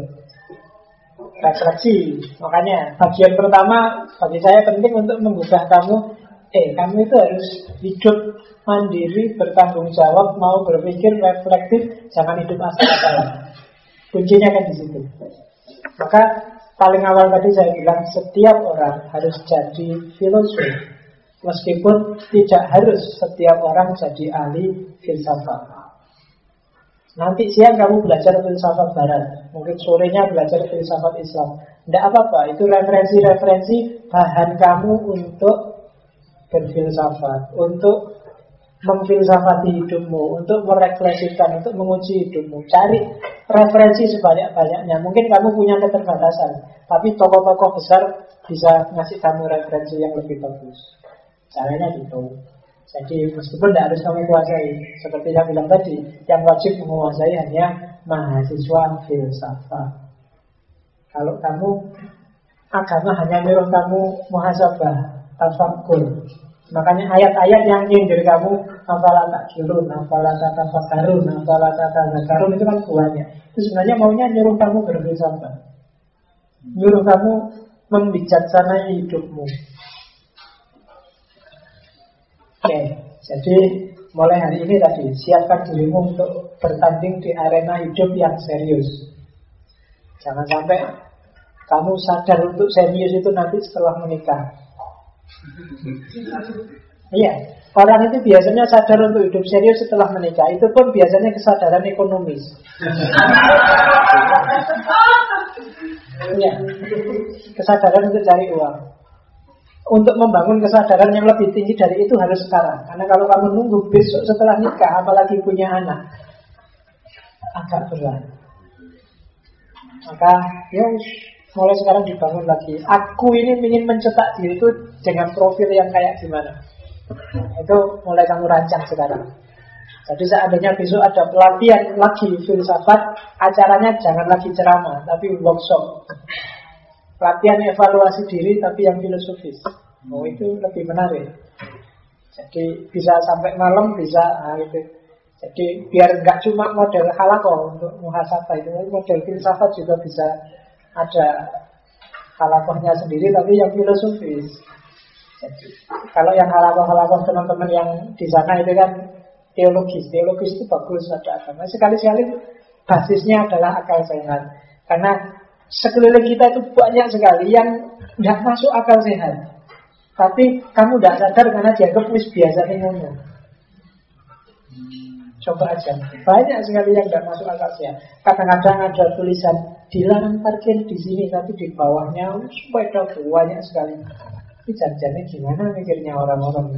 Ada yang ya banyak lah. Yang yang tidak sehat tidak sehat itu banyak. Tapi tiap hari kamu lakukan karena nganggapnya ya wis biasa ini maka mulai sekarang cerdasi hidupmu. Ada pertanyaan lagi? Atau dilanjutkan saya jam lagi ya, jangan lama-lama. Nanti kalau terlalu banyak penuh di sini, harus kamu sisakan untuk nanti sore dan nanti siang. Karena karena justru mungkin yang sore dan siang kamu butuh space lebih banyak. Karena teorinya mesti banyak. Saya menghindari ngomong banyak teori. Karena begitu saya ngomong banyak teori, kamu akan mengantuk. Jangankan yang teori, dan Jumat 10 menit kamu sudah kan?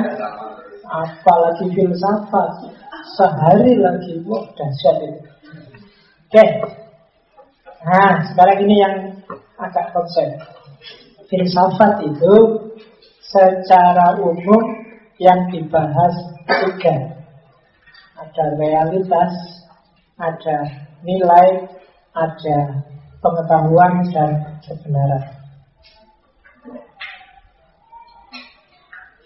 realitas itu kenyataan sehari-hari. Kalau nilai itu isinya dua, ada nilai keindahan, ada nilai kebaikan. Nilai keindahan itu estetika, nilai kebaikan itu etika. Kalau ontologi metafisika ngomong realitas itu biasanya isinya tiga. Yang pertama teologi membahas tentang Tuhan. Yang kedua kosmologi membahas tentang alam. Yang ketiga antropologi membahas tentang manusia. Itu yang ontologi. Tuhan, alam, manusia. Kalau yang aksiologi nilai itu etika estetika. Akan dapat contoh-contoh teori, contoh-contoh konsep tentang teologi, tentang kosmologi, tentang antropologi di nanti siang dan nanti sore. Teologi itu mungkin akan banyak diwakili di filsafat Islam. Kosmologi dan antropologi, kalau kosmologi itu kebanyakan filsafat barat periode awal, kalau antropologi itu filsafat barat modern. Nah, nanti dapatnya nanti siang, tidak harus saya jelaskan. Kalau nilai etika, estetika. Etika itu nilai baik buruk, estetika itu nilai indah dan tidak indah. Sebenarnya ada tiga. Di atasnya Etika itu orang biasa menyebut logika. Logika itu nilai kebenaran. Kenapa tidak saya sebut? Karena biasanya logika diletakkan tersendiri jadi cabang filsafat. Enggak. Seandainya kamu mau masuk, sebenarnya dia juga nilai, cuma nilai kebenaran. Jadi dalam hidupmu kamu harus ngerti levelnya nilai ada level kebenaran, ada level kebaikan, ada level estetik. Nilai biar kamu ngerti sebelah sedikit. Kalau kebenaran itu sifatnya universal. Di mana pun, kapan pun, siapa pun akan setuju. Harus ikut itu. Itu kebenaran. Makanya logika ilmunya. Asumsi-asumsinya eksak, pasti. Satu tambah satu, dua. Itu kebenaran. Di bawahnya kebenaran itu nilai kebaikan. Kebaikan itu sifatnya konvensional. Konvensional itu kesepakatan, hasil konvensi. Baik di lokal ini tidak selalu baik di lokal sana. Itu nilai kebaikan. Kuliah pakai celana pendek itu di Indonesia tidak baik, tidak sopan. Tapi di luar negeri tidak apa-apa. Kalau kamu lihat di kampus di luar, apalagi pas musim panas, itu kan pakai celana pendek, pakai tank top, pakai tidak apa-apa kalau di kampus. Sayangnya di sini nggak gitu. Iya, kalau di sini kuliahnya nggak kenal musim, entah musim hujan atau musim panas. Iya, pokoknya harus pakai celana, pakai sepatu, pakai itu. Tapi kalau di luar enggak. Dan itu nilai harus memang derajatnya di bawah kebenaran. Kalau kamu uji secara logis, secara rasional mungkin tidak nyambung. Apa sih Pak hubungannya kuliah sama sepatu? Abad kamu nyari argumennya susah. Karena memang levelnya bukan level kebenaran logis. Levelnya dia level kebaikan yang sifatnya konvensional, hasil kesepakatan disepakati bahwa kalau di sini itu kuliah yang sopan, yang dianggap baik, Makanya kodenya bukan kode logis namanya kalau di namanya kode etik. Karena dia memang etika. Jangan kamu tanyakan argumen rasionalnya. Apa pak hubungannya mikir sama sepatu itu? Apa kalau nggak pakai sepatu saya nggak bisa mikir? Apa sering komen gitu? Iya, levelnya bukan level itu. Aturan itu kode etik, etika, kebaikan. Hubungannya bukan salah benar, tapi baik atau tidak baik. Itu, itu nilai. Yang terakhir nilai estetik keindahan. Ini lebih kecil lagi dari etik karena levelnya subjektif. Yang konvensional tadi namanya intersubjektif. Disepakati oleh antar subjek. Nah, yang estetik ini namanya subjektif. Setiap kepala, setiap orang idenya masing-masing itu estetik. Saya merasa kalau orang rambutnya panjang itu cakep. Yang perempuan bukan yang laki itu saya versiku. Mungkin kamu yang lain beda gitu loh. Botak itu seksi misalnya. itu versi individual karena botak atau tidak itu kan urusan estetik kalau urusan estetik orang bisa ya bisa enggak suka-suka saya suka laptop warna pink. Ayo suka-suka dia. Ada yang bilang saya suka dangdut. Oh, sementara yang ah pun dangdut musik kayak gitu kan lebih enak campur sari.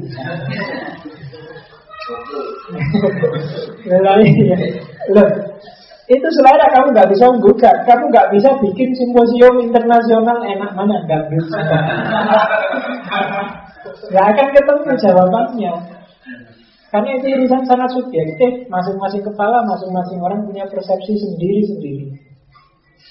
Level ketiga. Jadi kalau kamu diskusi tentang apa pun, pertama-tama lihat level nilainya.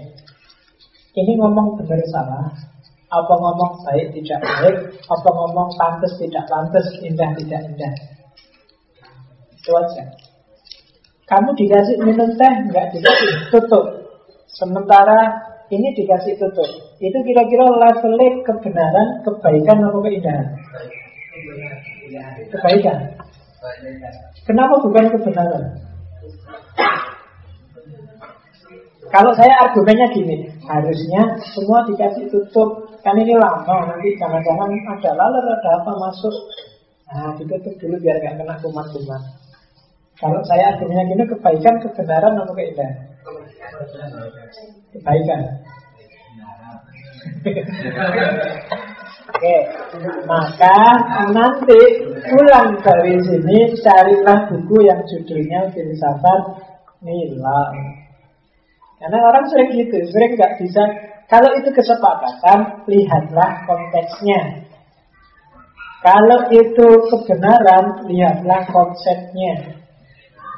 Kalau itu keindahan, lihatlah siapa yang ngomong. Itu aja kuncinya. Jadi kalau ini tema tentang benar salah, yo konsepnya dulu, teorinya apa yang dipakai, settingnya dulu. Sementara kalau itu kebaikan, lihat di mana dan kapan ini diomongkan. Kalau itu konteks estetik, keindahan, siapa yang ngomong, siapa yang memahami. Itu pahami. Yang terakhir ngomong tentang jalannya, prosedurnya, prosedur berpikirnya. Itu cabangnya namanya epistemologi. Gimana caramu sampai pada kesimpulan dan apa ukuran benar salahnya. Itu namanya epistemologi. Ngomong tentang benar salah. Jadi dari ngomong realitas Berarti ngomong tentang Tuhan, alam, manusia Tema Tuhan, alam, manusia itu bisa kamu lihat di tiga level. Ada level kebenaran, ada level kebaikan, ada level keindahan Dan caramu untuk membahas Dan ukuran benar salahnya apa Itu ada di epistemologi. Filsafat secara umum itu isinya. Jadi ada objek ontologisnya disebut aksiologi karena hubungannya biasanya dengan aksi, dengan praktek, praktek kebenaran, praktek kebaikan, praktek keindahan, dan yang terakhir caranya, cara mikirnya. Mana salah, mana benar, ukurannya benar apa, ukurannya salah apa. Andainya kamu disuruh analisis, ngaji filsafat ini dengan ceramah di masjid, teman-teman HTI itu kira-kira enaknya dibahas level kebenaran, level kebaikan, atau level keindahan.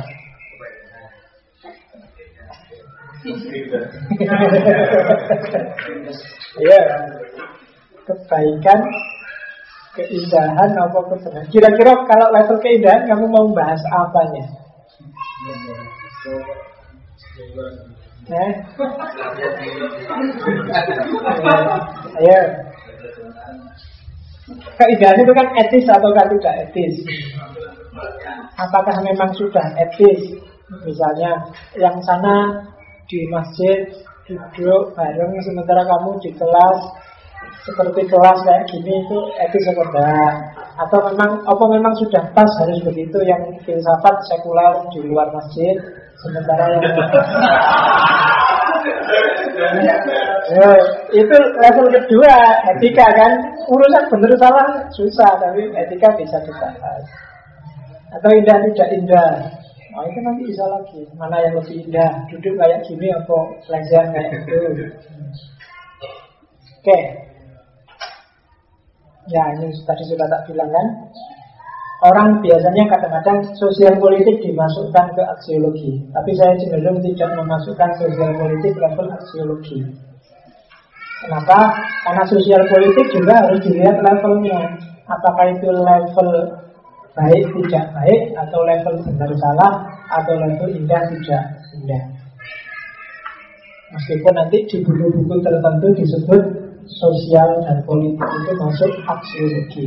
Di luar tiga ini ada namanya filsafat khusus Filsafat khusus itu berarti cara berpikir filsafat untuk menggarap wilayah-wilayah tertentu.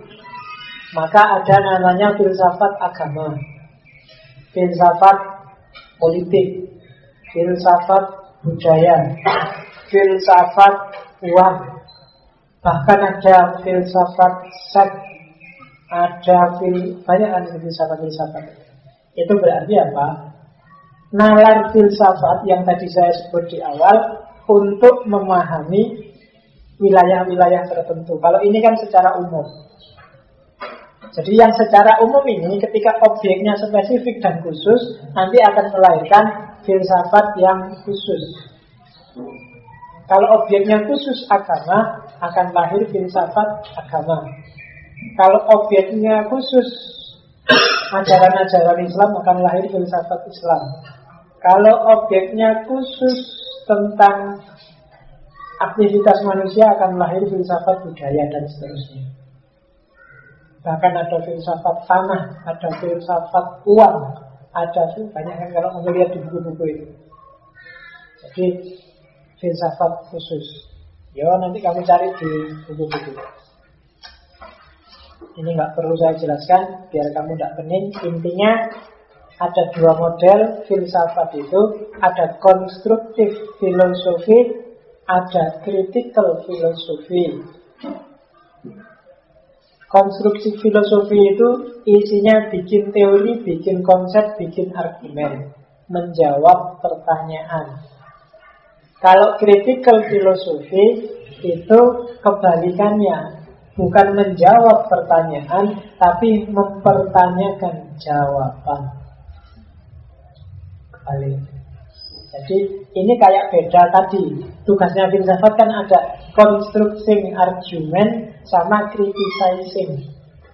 Yang constructing argument itu namanya constructive philosophy, yang criticizing critical philosophy.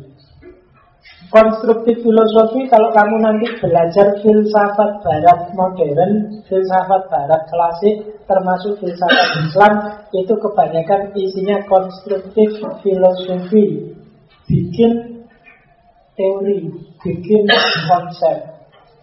Sementara nanti kalau kalian belajar filsafat kontemporer, pasca modern, kebanyakan isinya critical philosophy.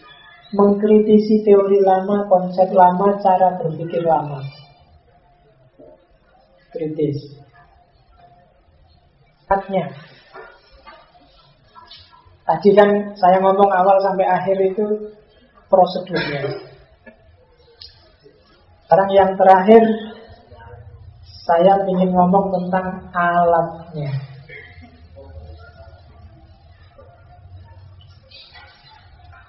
Uh, ada pertanyaan? Saya belakang agak cepet ya karena tak shortcut sampai setengah jam.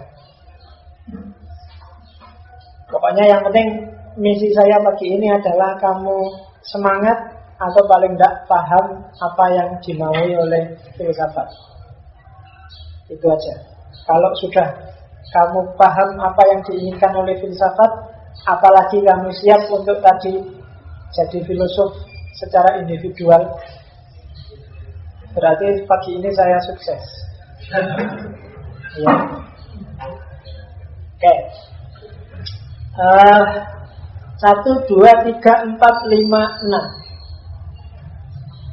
Orang dalam tradisi filsafat Khususnya filsafat klasik Di awal saya bilang Bahwa alat utamanya filsafat Itu logos Saya simpulkan simpel Pokoknya Pertama simpulkan aja logos itu berpikir rasional Logos itu definisinya secara umum biasanya bahasa Indonesia diterjemahkan sebagai akal budi. Akal budi itu tidak cuma akal, tapi ada budinya. Jadi tidak rasional ansih. Makanya para filosof muslim jarang yang pakai istilah aklun. Aklon itu hanya untuk bahas akal saja. Tapi sebagai alat filsafat Biasanya disebut intelek. Bahasa Arabnya biasanya pakai kuatul akli. Daya nalar. Dan daya nalar itu tidak cuma akal yang dipakai. Makanya alatnya filsafat Untuk dia bisa komprehensif dan radikal Kalau cuma pakai akal aja tidak bisa harus melibatkan enam variabel itu. Selama ini dalam pendidikanmu kamu hanya kenal dua dari enam, yaitu panca indera sama akal. Panca indera kamu peroleh dari pengalaman hidup sehari-hari, akal kamu peroleh dari sekolah. Hanya itu aja. Itu yang menurut saya agak tragis. Kenapa? Kamu punya enam hanya dipakai dua. Akhirnya yang empat tumpul. Sementara untuk memahami realitas, kalau cuma pakai dua, kamu akan pontang-panting. Banyak fakta, banyak peristiwa, banyak realitas yang itu kalau pakai akal aja nggak bisa, pakai indera aja nggak bisa. Kadang harus pakai nurani, kadang pakai naluri, kadang harus imajinasi. Begitu imajinasimu lemah, kamu potong panting dalam agama. Agamamu akan positivistik. Maka intelekmu harus diasah. Mengasah intelek itu bukan mengasah akal, tapi mengasah akal budi. Jadi oleh bahasa Indonesia ditambahi budi. Dan orang Indonesia kan jaya di budi tapi lemah di akal. iya kan? Selalu gitu. Makanya ketika kamu SD kan bukunya ini budi. Iya, nggak ada ini akal. Mesti ini budi. Karena kita rata-rata orang timur kan memang kuat di budi. Meskipun kemudian merasa, loh kok kita kalah sama barat kita harus niru barat coy kita harus ikut peradaban yang sudah maju. Akhirnya kamu belajar pakai akal dan panca indera sehingga di sekolah-sekolah yang diajarkan itu cara mengelola panca indera dan akal. Sementara khazanahmu sendiri yang timur tidak diajar. Lama-lama kamu kehilangan kepekaan di empat bidang itu. Secanggih-canggihnya akal dan panca indramu bikin Borobudur kota penting. Karena konstruksinya tidak cuma melibatkan akal dan panca indera. Ada imajinasi, intuisi, naluri, bermain di sana semuanya. Bisa jadi besar seperti itu. Itu yang bagi saya kayak-kayak gini harus kenal kamu. Jarang kamu di kelas dikasih, eh ayo kita latihan mengasah intuisi itu jarang. Mau bikin latihan sendiri aja. Gimana nalurimu jadi tajam itu susah. Maka kalau memang di kelas nggak bisa, kamu belajar sendiri atau sama teman untuk mengasah empat yang lain. Panca indera, insya Allah kamu nggak perlu belajar bisa lah. Melihat, mendengar, mencium. Mencium itu mulut atau hidung?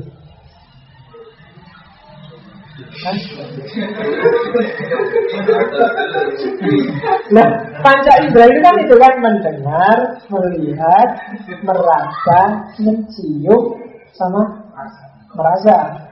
Mendengar pakai mata, oh pakai telinga, melihat pakai mata, mencium pakai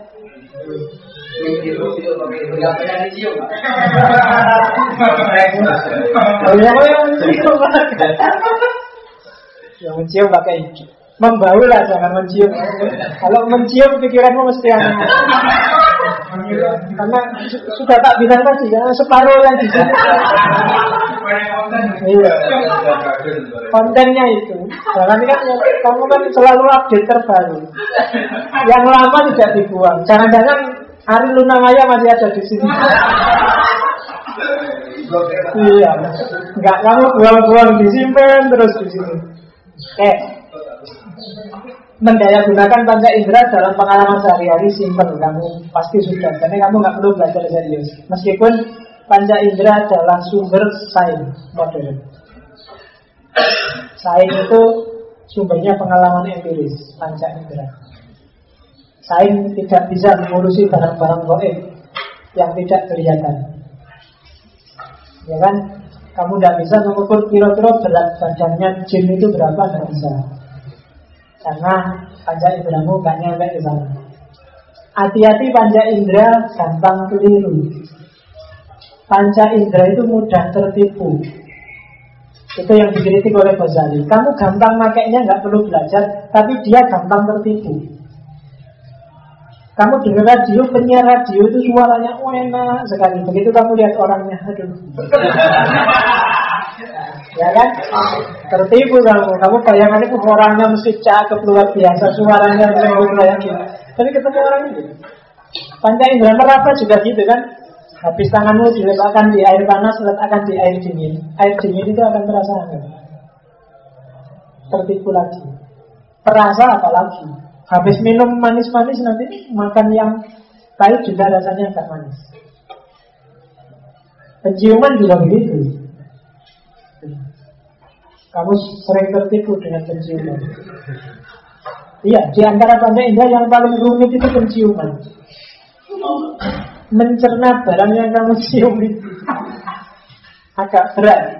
Jadi yang canggih penciuman biasanya binatang. Kalau manusia itu gampang tertipu gara-gara penciuman. Ya mungkin kamu banyak.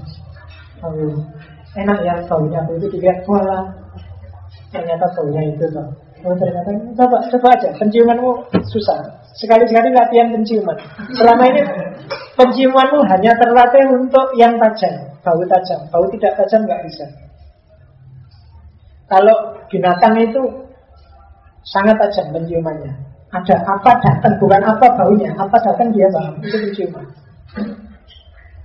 Dia bisa dengan penciumannya ini yang datang besar sekali, ini yang datang sekitar sekian kilo ini yang datang ringan ini yang datang makananku ini yang itu binatang bisa kalau manusia nggak bisa kalau belum melihat yang paling apa overload kamu pakai itu biasanya mata matamu eh, matamu itu sumbernya barang nggak beres kebanyakan mata dalam hidupnya nah karena panca indera banyak lemah maka yang sering membantu panca indera adalah akal.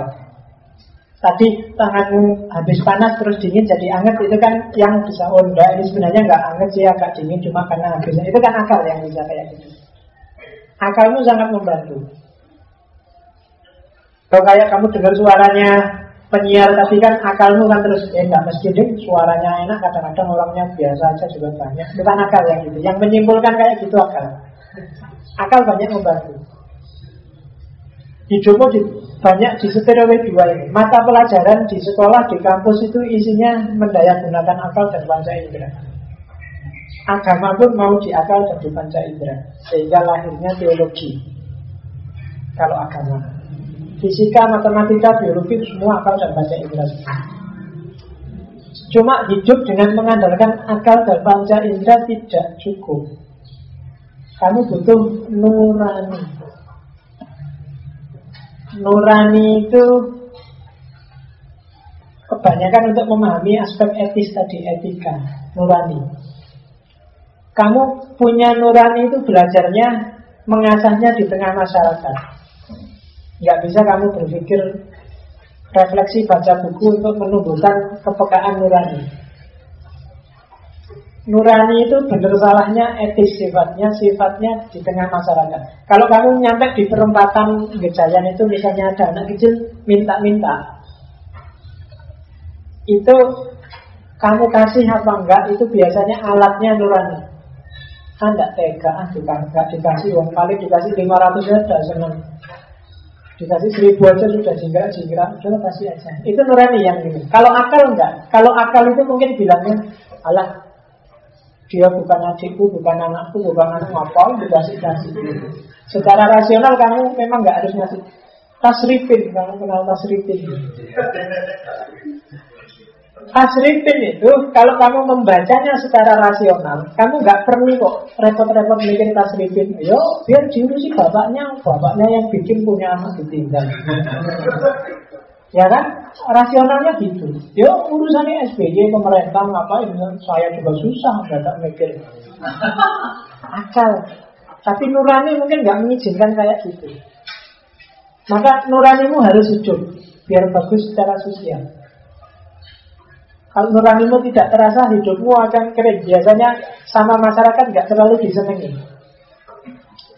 Kalau kamu sering nonton sinetron apa? tukang bubur naik haji itu. Coba dilihat antagonisnya, coba Haji Haji itu. Kamu sering nonton siapa itu? Argumen-argumennya aja perhatikan Haji Muhyiddin. Itu argumen yang masuk akal. Dalam arti, ya masuk akal aja. Akal sehat bisa kok menerima cara berpikir kayak gitu. Cuma secara nurani enggak. Masa sih kita setega itu? Masa sih kita se kayak gitu loh? Itu nurani yang bilang. Kamu misalnya ada pelatihan di sini mulai pagi sampai sore dan panitianya tidak ngasih makan. Oh itu secara rasional mungkin panitianya mikirnya, eh, bayarnya berapa? Oh nggak nyampe, oh rasional. Cuma kalau anaknya orang disuruh duduk mulai pagi sampai sore, secara nur.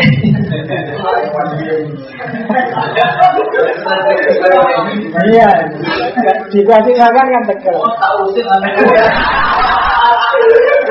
Oke, makanya nanti sama panitia kamu akan dikasih sesi setengah jam untuk cari makan sendiri. Oke. Ya. Iya. Pokoknya kalau nggak dikasih perlu dipertanyakan nuraninya. Oke, yang keempat naluri. Naluri itu insting. Tidak cuma kamu, hewan itu juga punya insting. Naluri itu kamu nggak perlu belajar, sudah punya. Bedanya ada yang diasah dan dipertajam, ada yang dicuekin. Kamu nggak pernah belajar, tapi secara naluri kamu yang cowok suka sama cewek. Kamu nggak perlu kursus, nggak perlu soft untuk bikin kamu suka sama perempuan. Otomatis kamu suka. Ibu itu otomatis suka sayang sama anaknya. Itu naluri. Tidak perlu belajar kok. Meskipun kamu jangan belum punya anak, ya jangan Tidak karu-karuan hidupmu, pontang panting, wis pokoknya rumah kali orang karu-karuan. Tapi begitu punya anak kok bisa sayang sama anaknya. Itu naluri. Perampok yang sadis sesadis apa pun itu biasanya kalau pulang ketemu istri anaknya dia ketawa-ketawa. Kalau anaknya kecil ikut nyuapin itu sayang sekali sama anaknya. Itu naluri. Bahkan jangan-jangan merampoknya itu karena nalurinya untuk ngasih makan keluarganya. Itu naluri ya. Nggak perlu dipelajari otomatis.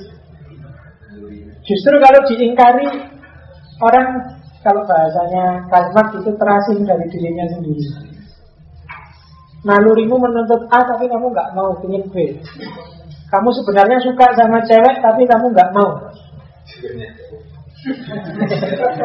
ya, maksudnya nggak mau itu karena saya mau kuliah dulu, pokoknya nggak mau pacaran. Jadi, itu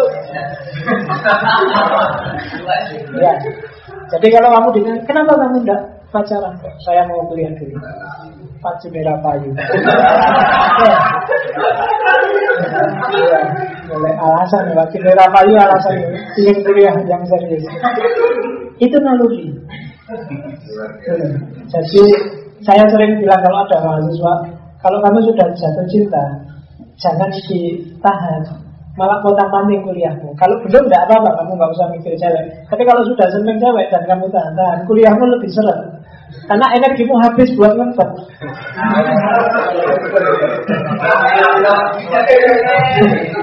iya. Daripada kamu ngempet susah-susah sampai kamu berkeringat ngempet kan mending kamu tembak aja kalau ditolak karuannya. Ya cari yang lain kan gitu. Iya. ya sedih-sedih lah nyanyi nabi dua tiga hari selesai. Bisa. Nah, naluri insting. Ada yang bilang agama itu naluri juga. Orang dibiarin nggak usah dikasih Quran, nggak usah dikasih secara naluri dia akan menuntut sesuatu yang lebih tinggi dari itu. Maka sepanjang sejarahnya manusia tidak pernah manusia itu tidak punya Tuhan dengan versinya masing-masing sejak zaman primitif. Cara beribadahnya beda-beda. Tuhan yang disembah juga versi-versi lah. Tapi yang jelas karena memang secara naluriah orang butuh Tuhan. Itu naluri. Ya tadi bedanya banyak orang yang ini tidak diasah sehingga tidak peka.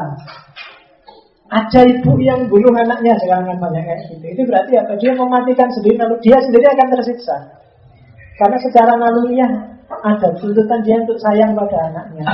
Mungkin secara sosial ekonomi terpaksa sehingga dia marah begitu dia anaknya disiksa pasti dia menyesal. Ada naluri. Naluri pun alat untuk memahami sesuatu. Kalau pakai akal mungkin nggak nyambung. Apa itu? Sudah punya anak dibesarkan sudah usah anaknya nakal juga masih disayang aja. Ya karena memang itu naluri ya. Agama juga begitu. Kepekataanmu terhadap agama harus kamu perjuangkan. Jangan sampai hilang, karena begitu hilang nanti akan ada keterasingan dalam dirimu. Kamu mungkin akan cari Tuhan yang lain secara tidak sadar. Sehingga ada tesis yang bilang orang ateis sekalipun kalau kamu cermati dalam hidupnya pasti ada yang dia posisikan sebagai Tuhannya. Paling tidak pemikirannya sendiri Karena tuntutan jiwa untuk punya keterikatan dengan sesuatu Yang kelima intuisi Intuisi Ini biasanya Pengetahuan intuitif itu pengetahuan langsung Nanti bahaslah di filsafat Islam ada namanya knowledge by acquaintance ada yang menerjemahkan ilmu kuduri. Itu salah satu contoh pengetahuan intuitif hasil dari intuisi. Intuisi itu orang ilham itu jenis intuisi. Wahyu itu jenis pengetahuan intuitif. Kalau empat yang lain, pengetahuan itu akan diusahakan. Kalau intuisi itu tidak tergantung usahamu. Intuisi itu mungkin akumulan. Jadi datangnya pengetahuan intuitif itu tidak disengaja. Kalau psikologi modern menyebut pengetahuan intuitif adalah pengetahuan yang itu terkubur di bawah sadar. yang munculnya tidak bisa disengaja. Dia muncul anytime. Bahwa sadar kita itu kan penuh data. Cuma kita nggak bisa menampilkannya ke atas saja. Karena ada keterbatasan-keterbatasan. Ya. Kamu nggak bisa secara misalnya kamu baca buku, kamu baca buku banyak, khatam bukunya. Waktu baca kamu paham, tapi begitu bukunya kamu tutup, biasanya kalau ditanya orang kamu tidak bisa jawab. Tadi baca apa mas? Kamu sih bingung. Ah apa ya pak tadi? Pokoknya mesti ngono kamu. Itu sebenarnya tidak hilang. Pengetahuan yang sempat mampir di kepalamu ketika kamu baca itu tidak hilang, tapi menyusup masuk ke bawah sadarmu. Dan itu tampilnya biasanya tidak disengaja. Kadang-kadang kamu lagi diskusi apa tiba-tiba, oh iya, saya ingat. Jadi, nah, itu intuitif. Itu namanya pengetahuan intuitif. Ya di agama ada ilham, ada wahyu itu kan intuitif. Meskipun kalau di agama wahyu ilham itu sumbernya kan tidak dari manusianya. Tapi pengetahuan intuitif. Jadi sebenarnya kalau mau dikeluarkan semua muatan bawah sadarmu itu kamu bisa jadi jenius. Karena 20 tahun kamu hidup itu mesti banyak sekali data. Tapi kalau secara sengaja ingin kamu tampilkan tidak iso. Dia munculnya secara tidak sengaja pasti. Bayanganmu tentang pacar lama itu kan nggak bisa kamu sengaja. Malam ini aku ingin mimpi dengan pacar lama, nggak akan bisa. Tapi tiba-tiba saja kamu malam waktu tidur ketemu. Kan gitu mesti kan? Kamu tidak membayangkan apa-apa tiba-tiba lu malamnya ngisi Alhamdulillah tadi malam ketemu Tapi kalau kamu niati Bismillahirrahmanirrahim Bismillah semoga nanti malam ketemu Tidak bisa Karena dia terakumulasi bawah sadar Itu salah satu jenis intuisi Namanya knowledge by acquaintance Makanya orang-orang sufi, orang-orang praktek yoga, tapi biasanya cara dia melatih intuisi apa? Ada yang semedi, ada yang meditasi, ada yang wirid, ada yang terus pengetahuan dari bawah sadar akan naik ke atas. Hanya terus ada jalan instan orang bikin namanya hipnotis. Saya tidak tahu karena tidak pernah. Ya, ada yang pernah dihipnotis? Ada. Iya,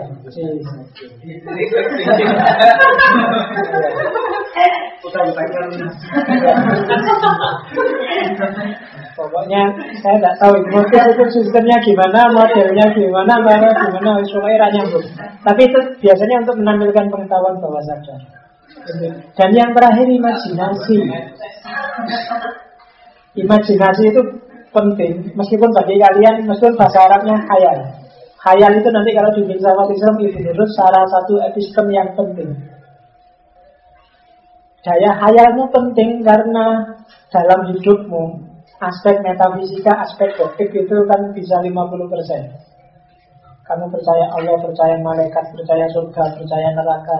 Itu kan kalau daya imajinasimu rendah, kamu tidak akan nyampe memahami semua itu.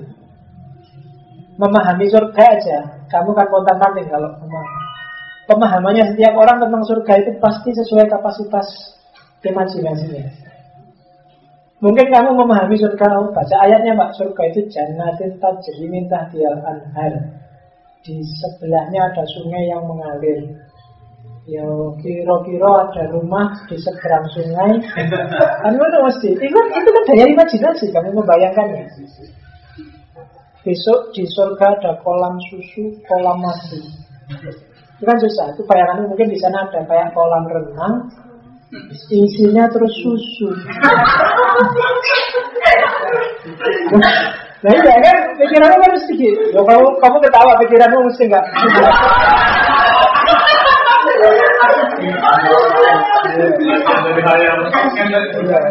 Sudah tak bilang tidak tadi kan, isi pikiranmu itu separuh kan. Iya, kalau saya ngomong susu bayanganmu itu. Jadi, oh, kalau susu itu malah mengerikan. Kolam madu itu kan bayangnya ada kolam ada madunya. Ayo kalau katanya besok amal perbuatanmu ditimbang, bayanganmu ditimbang itu besok diapain? Saya yakin di pikiranmu munculnya gambar timbangan. ya kan? Besok Gini Pak, saya berdiri, ada timbangannya besar. Terus kan, itu kan di pikiran amal, amal saya yang baik di sini, yang jelek di sini. Kalau sini lebih berat, bayangkan ini. Besok kamu akan lewat Sirotol Mustaqim. Sirotol Mustaqim itu rambut Ayo, imajinasikan itu. Mesti kan Loh itu agamamu isinya gitu agama banyak hal metafisik. Kalau kapasitas imajinasimu rendah sekali, pemahamanmu juga akan rendah sekali tentang surga, neraka, Tuhan dan lain-lain. Besok di neraka itu kamu akan yang suka zina dipotong, ya bayanganmu kan ada gunting besar. Iya kan? Iya, nanti kamu dipotong ada yang seperti bayangan gitu. Dan peralatan surga itu di kepalamu kan Kuping Palu. Setrika besar. Terus gitu kan Kayak peralatan.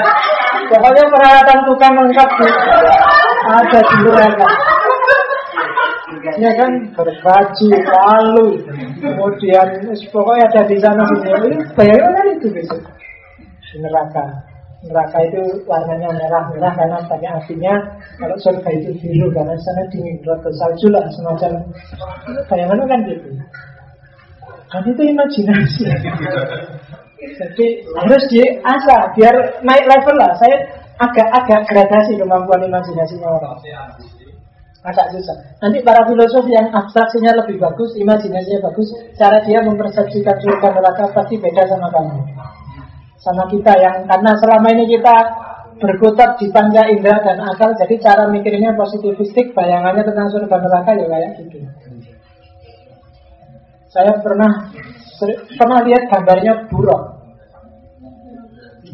buruk itu kan kendaraannya Nabi tapi dia cakep karena bidadari waktu Nabi naik ke Suratul Mustaqim. Bukan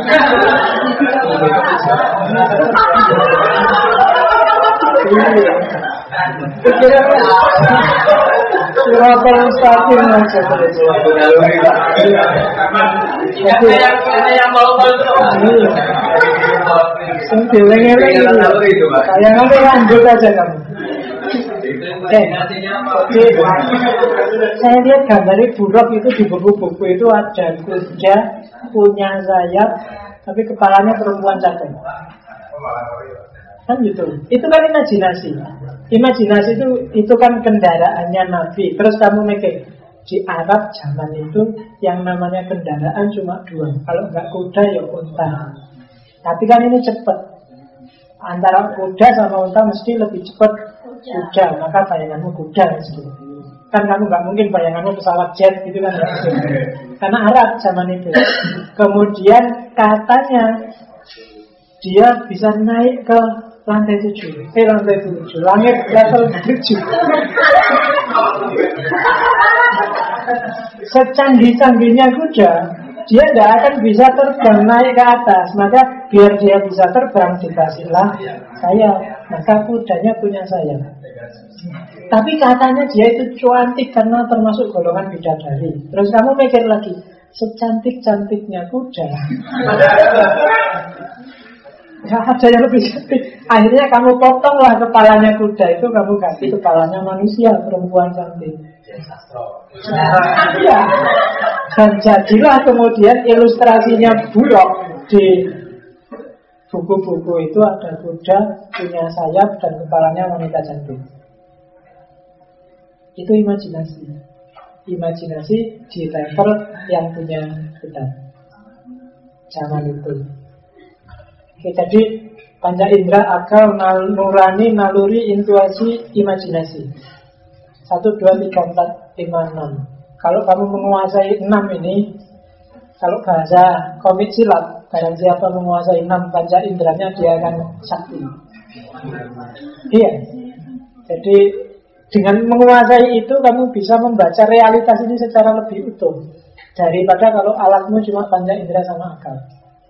Karena ada fakta, ada peristiwa, ada fenomena yang kadang harus dibaca dari aspek nurani, kadang harus dibaca dari aspek imajinasi, kadang harus dibaca dari aspek intuisi. Tidak selalu harus rasional. Itu yang kita kering di empat yang terakhir. Filsafat pun nanti dalam sejarah kebanyakan filsafat barat itu pakai akal panca indera. Kalau filsafat Islam yang diandalkan biasanya imajinasi, intuisi, dan nurani biasanya banyak dibahas di etika, agak pecah-pecah. Realitas lebih utuh jarang diasah. Itu pun kamu belajar filsafat Islam, filsafat barat kan belajar produknya. Belajar pikirannya orang. Jarang kamu belajar Gimana biar kamu kayak Ibn Rus Cara berpikir seperti apa yang dilakukan oleh Ghazali yang bisa kamu teladani Itu menurut saya lebih penting daripada kamu berpikir Apa pendapatnya Ibn Rus tentang Tuhan Apa pendapatnya Ibn Rus tentang kebebasan? Yang kayak gitu-gitu tinggal kamu baca di buku. Yang lebih kamu butuhkan menurut saya Skill refleksimu. Kemampuan untuk berefleksi. Seperti tak jelaskan di awal. Oke, ceramah saya sudah ya. Pengajian itu satu jam itu kamu sudah mampu mendengarkan. Ini wis dua jam hampir ya. Silahkan kalau ada pertanyaan. Sebenarnya masih banyak ya next time lah kalau tak borong semua hari ini kamu cuma dapat ketawanya nggak dapat filsafat. Ya silahkan kalau ada pertanyaan. Pak, dari termasuk dari program kita juga kan? Jadi kira-kira nanti kita membuat uh, produk yang menjadi workshop seperti yang dengan bilang tadi itu. Kira itu butuh butuh waktu berapa jam untuk mengadakan itu dan maksud saya pelaksanaannya ini kemudian uh, ya lebih banyak ke perenungan atau teori ini saya membayangkan filsafat itu kayak kamu belajar fikih usul fikihnya pahamilah. Begitu kamu paham, praktekkanlah untuk membahas tema. Itu menurut saya lebih mengasah kamu daripada kamu belajar filsafat terus. Tidak ada gunanya. Jadi, misalnya kamu bikin semacam workshop, anggaplah misalnya seandainya itu tiga hari misalnya. Hari pertama teori, konsep, teknis. Sudah Hari kedua praktek. Tinggal kamu nyari sampel masalah.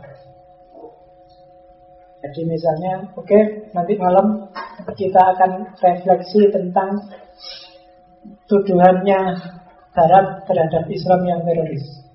Filosofis, jangan cari Quran, tapi kita kita nalar aja, kita sesuaikan kita. Atau kalau terlalu besar, problem-problem kecil dulu. Misalnya problem tentang remaja dan masjid. Oh itu yang kecil Harusnya gimana? Apa harus ada macam-macam? Haruskah masjid itu variasi ada? Oh, macam Bisa kamu cari. Latihan. Lama-lama kamu akan terasa. Dan jangan bikin forum debat. Forum refleksi. Bedanya forum refleksi dengan forum debat adalah Kalau forum debat itu menang-menangnya kalau forum refleksi, pendapat saya kayak gini. Yang sana saya tambahin dikit kayak gini. Terus yang situ kalau saya yang kamu omongkan tadi separuh tidak setuju, tapi bagian yang ini saya setuju. Yang tidak saya setuju itu ketika kamu ngomong ini loh. Kalau menurut saya tidak begitu, tapi begini. Terus yang satu ngomong itu saling nambahi, saling eh, lama-lama ketemu. Oh, berarti intinya ini. Tapi kalau kamu debat, sini pro, sini kontra, terus tawuran terus. Tidak akan ketemu jawaban. Maka filosofi itu tadi kan komitmennya pada kebenaran kebijaksanaan, bukan kemenangan. Meskipun banyak orang bilang filosofi itu harus kelihatan pinter jadi kalau diskusi ora gelem kalah ngomaya terus ah bukan bukan itu. Kalau ada yang kayak gitu berarti dia belum filosof. Atau seandainya filosof ya masih setengah jalan. Kamu bantu dia biar sampai di akhir jalan misalnya. Jadi kalau dia ingin ngeyel ingin menang ya wis wis waras ngalah. Nah iya kan teori ini ngono. Lalu kalau kamu juga ngeyel nanti tidak selesai-selesai dari teman bisa jadi musuh kan? Jadi ya wes wes sebaras ngalah sip sip kamu menang. Itu aja nggak usah repot. Tapi kalau refleksi beda. Refleksi ini kan semacam muhasabah. Sekali-sekali bikin deskripsi diri. Ayo sekarang sesi kedua masing-masing pegang kertas deskripsikan dirimu sebut kelemahan dan kelebihanmu apa aja. Saya kelebihan lebih merangsang cara berpikir Terus sudah ketemu kelemahannya terus kan gitu. Nanti apa secara gradual akan ketemu. Meskipun di luar itu sebenarnya aktivitas filsafat itu kan aktivitas individual. Ketika sudah dilatih dan dalam latihan ini sudah lanyah, dalam praktek sehari-hari kamu harus berfilsafat sendiri dalam hidupmu. Jadi anggap aja ini pelatihan untuk merangsang di awal pendahuluan. Mungkin ada pelatihan selanjutnya yang saran saya lebih teknis, jangan teoritis. Teknis saja, teknis refleksi. Mungkin tema besarnya anggap aja epistemologi lah, atau logika. Logika menurut saya nyawa pertamanya filsafat itu logika. Di Iran itu pengalaman saya, saya tiga bulan di sana.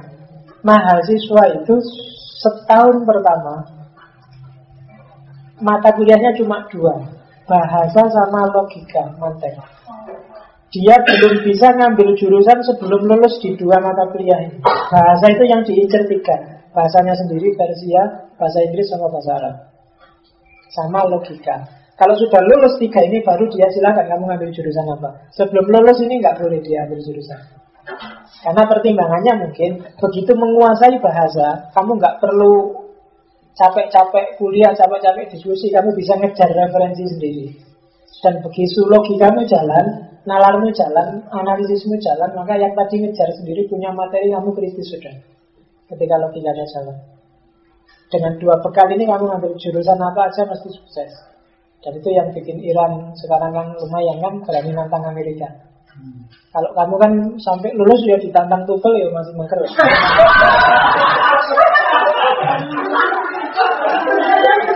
Iya kan? Kalau ada film habis nonton, ada terjemahannya enggak? kalau enggak ada kalau ada terjemahannya bahasa Inggris mesti yang Indonesia ada enggak? Iya. Jadi ya kelemahan kita lah. Ya kita perbaiki dikit-dikit. Karena kita sudah sampai di tengah jalan, nggak mungkin kan kita setback dari awal lagi. Kita pelan-pelan. Mungkin logika itu kayak tadi loh definisi itu kan bukan karena kamu susah bikin definisinya, karena kamu tidak berlatih teori bikin definisi karena memang nggak pernah diajari. Jadinya penting sekali bikin definisi kursi aja kamu bisa stres. Karena ada caranya bikin definisi. Ya nanti itu mata kuliahnya logika. Jadi saran saya pelatihan selanjutnya jenis-jenis itulah. Pelatihan berpikir. Biar kamu nggak gampang dihalusi orang. Dihalusi TV Ya kan, kamu tiap hari diketawain sama Ruji Tompul, Sultan Batu Gana Yang orang-orang kayak gini tiap hari kan ngadalin kamu, kamu nggak paham.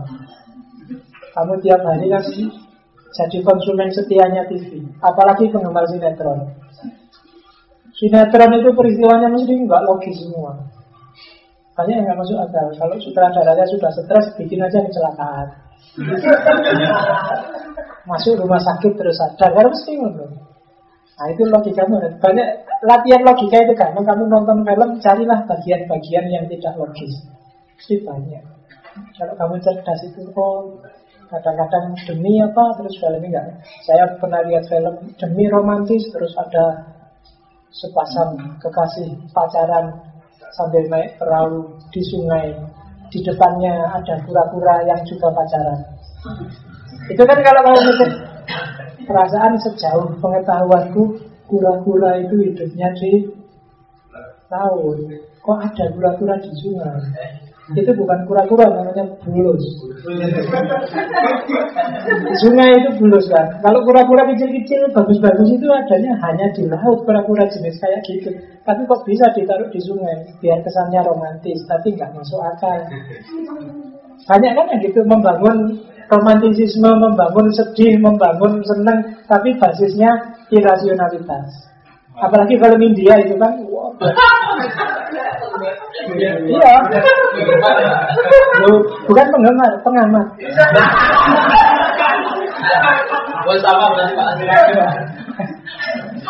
Film India itu kan gitu. Pokoknya semuanya serba dramatis. Mulai sedihnya dramatis, senengnya dramatis. Tarungnya juga dramatis. Sudah dibuanting 10 kali di tembok juga masih bangun lagi, masih luar biasa. Sedih nyanyi, seneng nyanyi, Pokoknya begitu jalan-jalan ada taman langsung nyanyi. Kalau India itu kan, pokoknya iya, pokoknya Iya, yang penting, pokoknya logikamu dilecehkan lah. Anggap kamu anak kecil lah, bodoh kan gitu. Kalau kalau kamu pingin coba nanti lihat saya kemarin yang banyak orang nangis itu nonton film Habibie Ainun itu. Nangisnya kan sudah. Sekarang ditonton lagi carilah bagian yang sifatnya dramatisasi yang tidak logis. Nanti akan ketemu banyak. Jadi ah, mungkin. Tidak logis itu gampang kok. Seandainya dalam hidup sehari-hari nggak mungkin kayak gitu. Kalau orang masih normal Pokoknya cirinya gitu aja. Pokoknya seandainya kamu normal dalam hidup sehari-hari nggak mungkin kamu gitu. Itu berarti nggak logis. Ciri paling gampang kalau kamu mengkritisi film. Apalagi film horor-horor itu, itu sudah. Kalau film horor kan sekarang kenapa film horor itu laku orang kan tidak lihat horornya. Yang dilihat kan pemainnya. Biasanya horor itu mesti seksi. Mesti itu. Pinter-pinternya saudara. Oke, sudah terlalu banyak ngelanturnya. Kalau nggak ada pertanyaan, saya kira sudah ya. Pokoknya misi saya pagi ini semoga saya sukses bikin kamu terprovokasi dengan filsafat. Itu aja. Termasuk juga tidak apa ya kan banyak orang yang berfilsafat itu jelek lah, sesat lah, apalah seperti saya bilang di awal, bedakan filsafat as product dengan filsafat as tool. Filsafat sebagai produk dengan filsafat sebagai alat. Dengan filsafat yang sama orang bisa jadi sangat ateis anti Tuhan, tapi filsafat itu juga bisa bikin orang sangat religius. Dengan filsafat bisa lahir Nietzsche, Marx, Freud. Dengan filsafat bisa lahir Iqbal, Mutohari, Ghazali yang sangat religius. Jadi tidak tergantung filsafatnya. Oke, kalau sudah saya akhiri sekian, saya sudah ngomong 3 jam mulai jam 8 sampai jam 11. Alhamdulillah saya masih muda, jadi masih muda. Ya loh, kalau Pak Yai yang sebelum mau suruh ngomong 3 jam kamu dolim.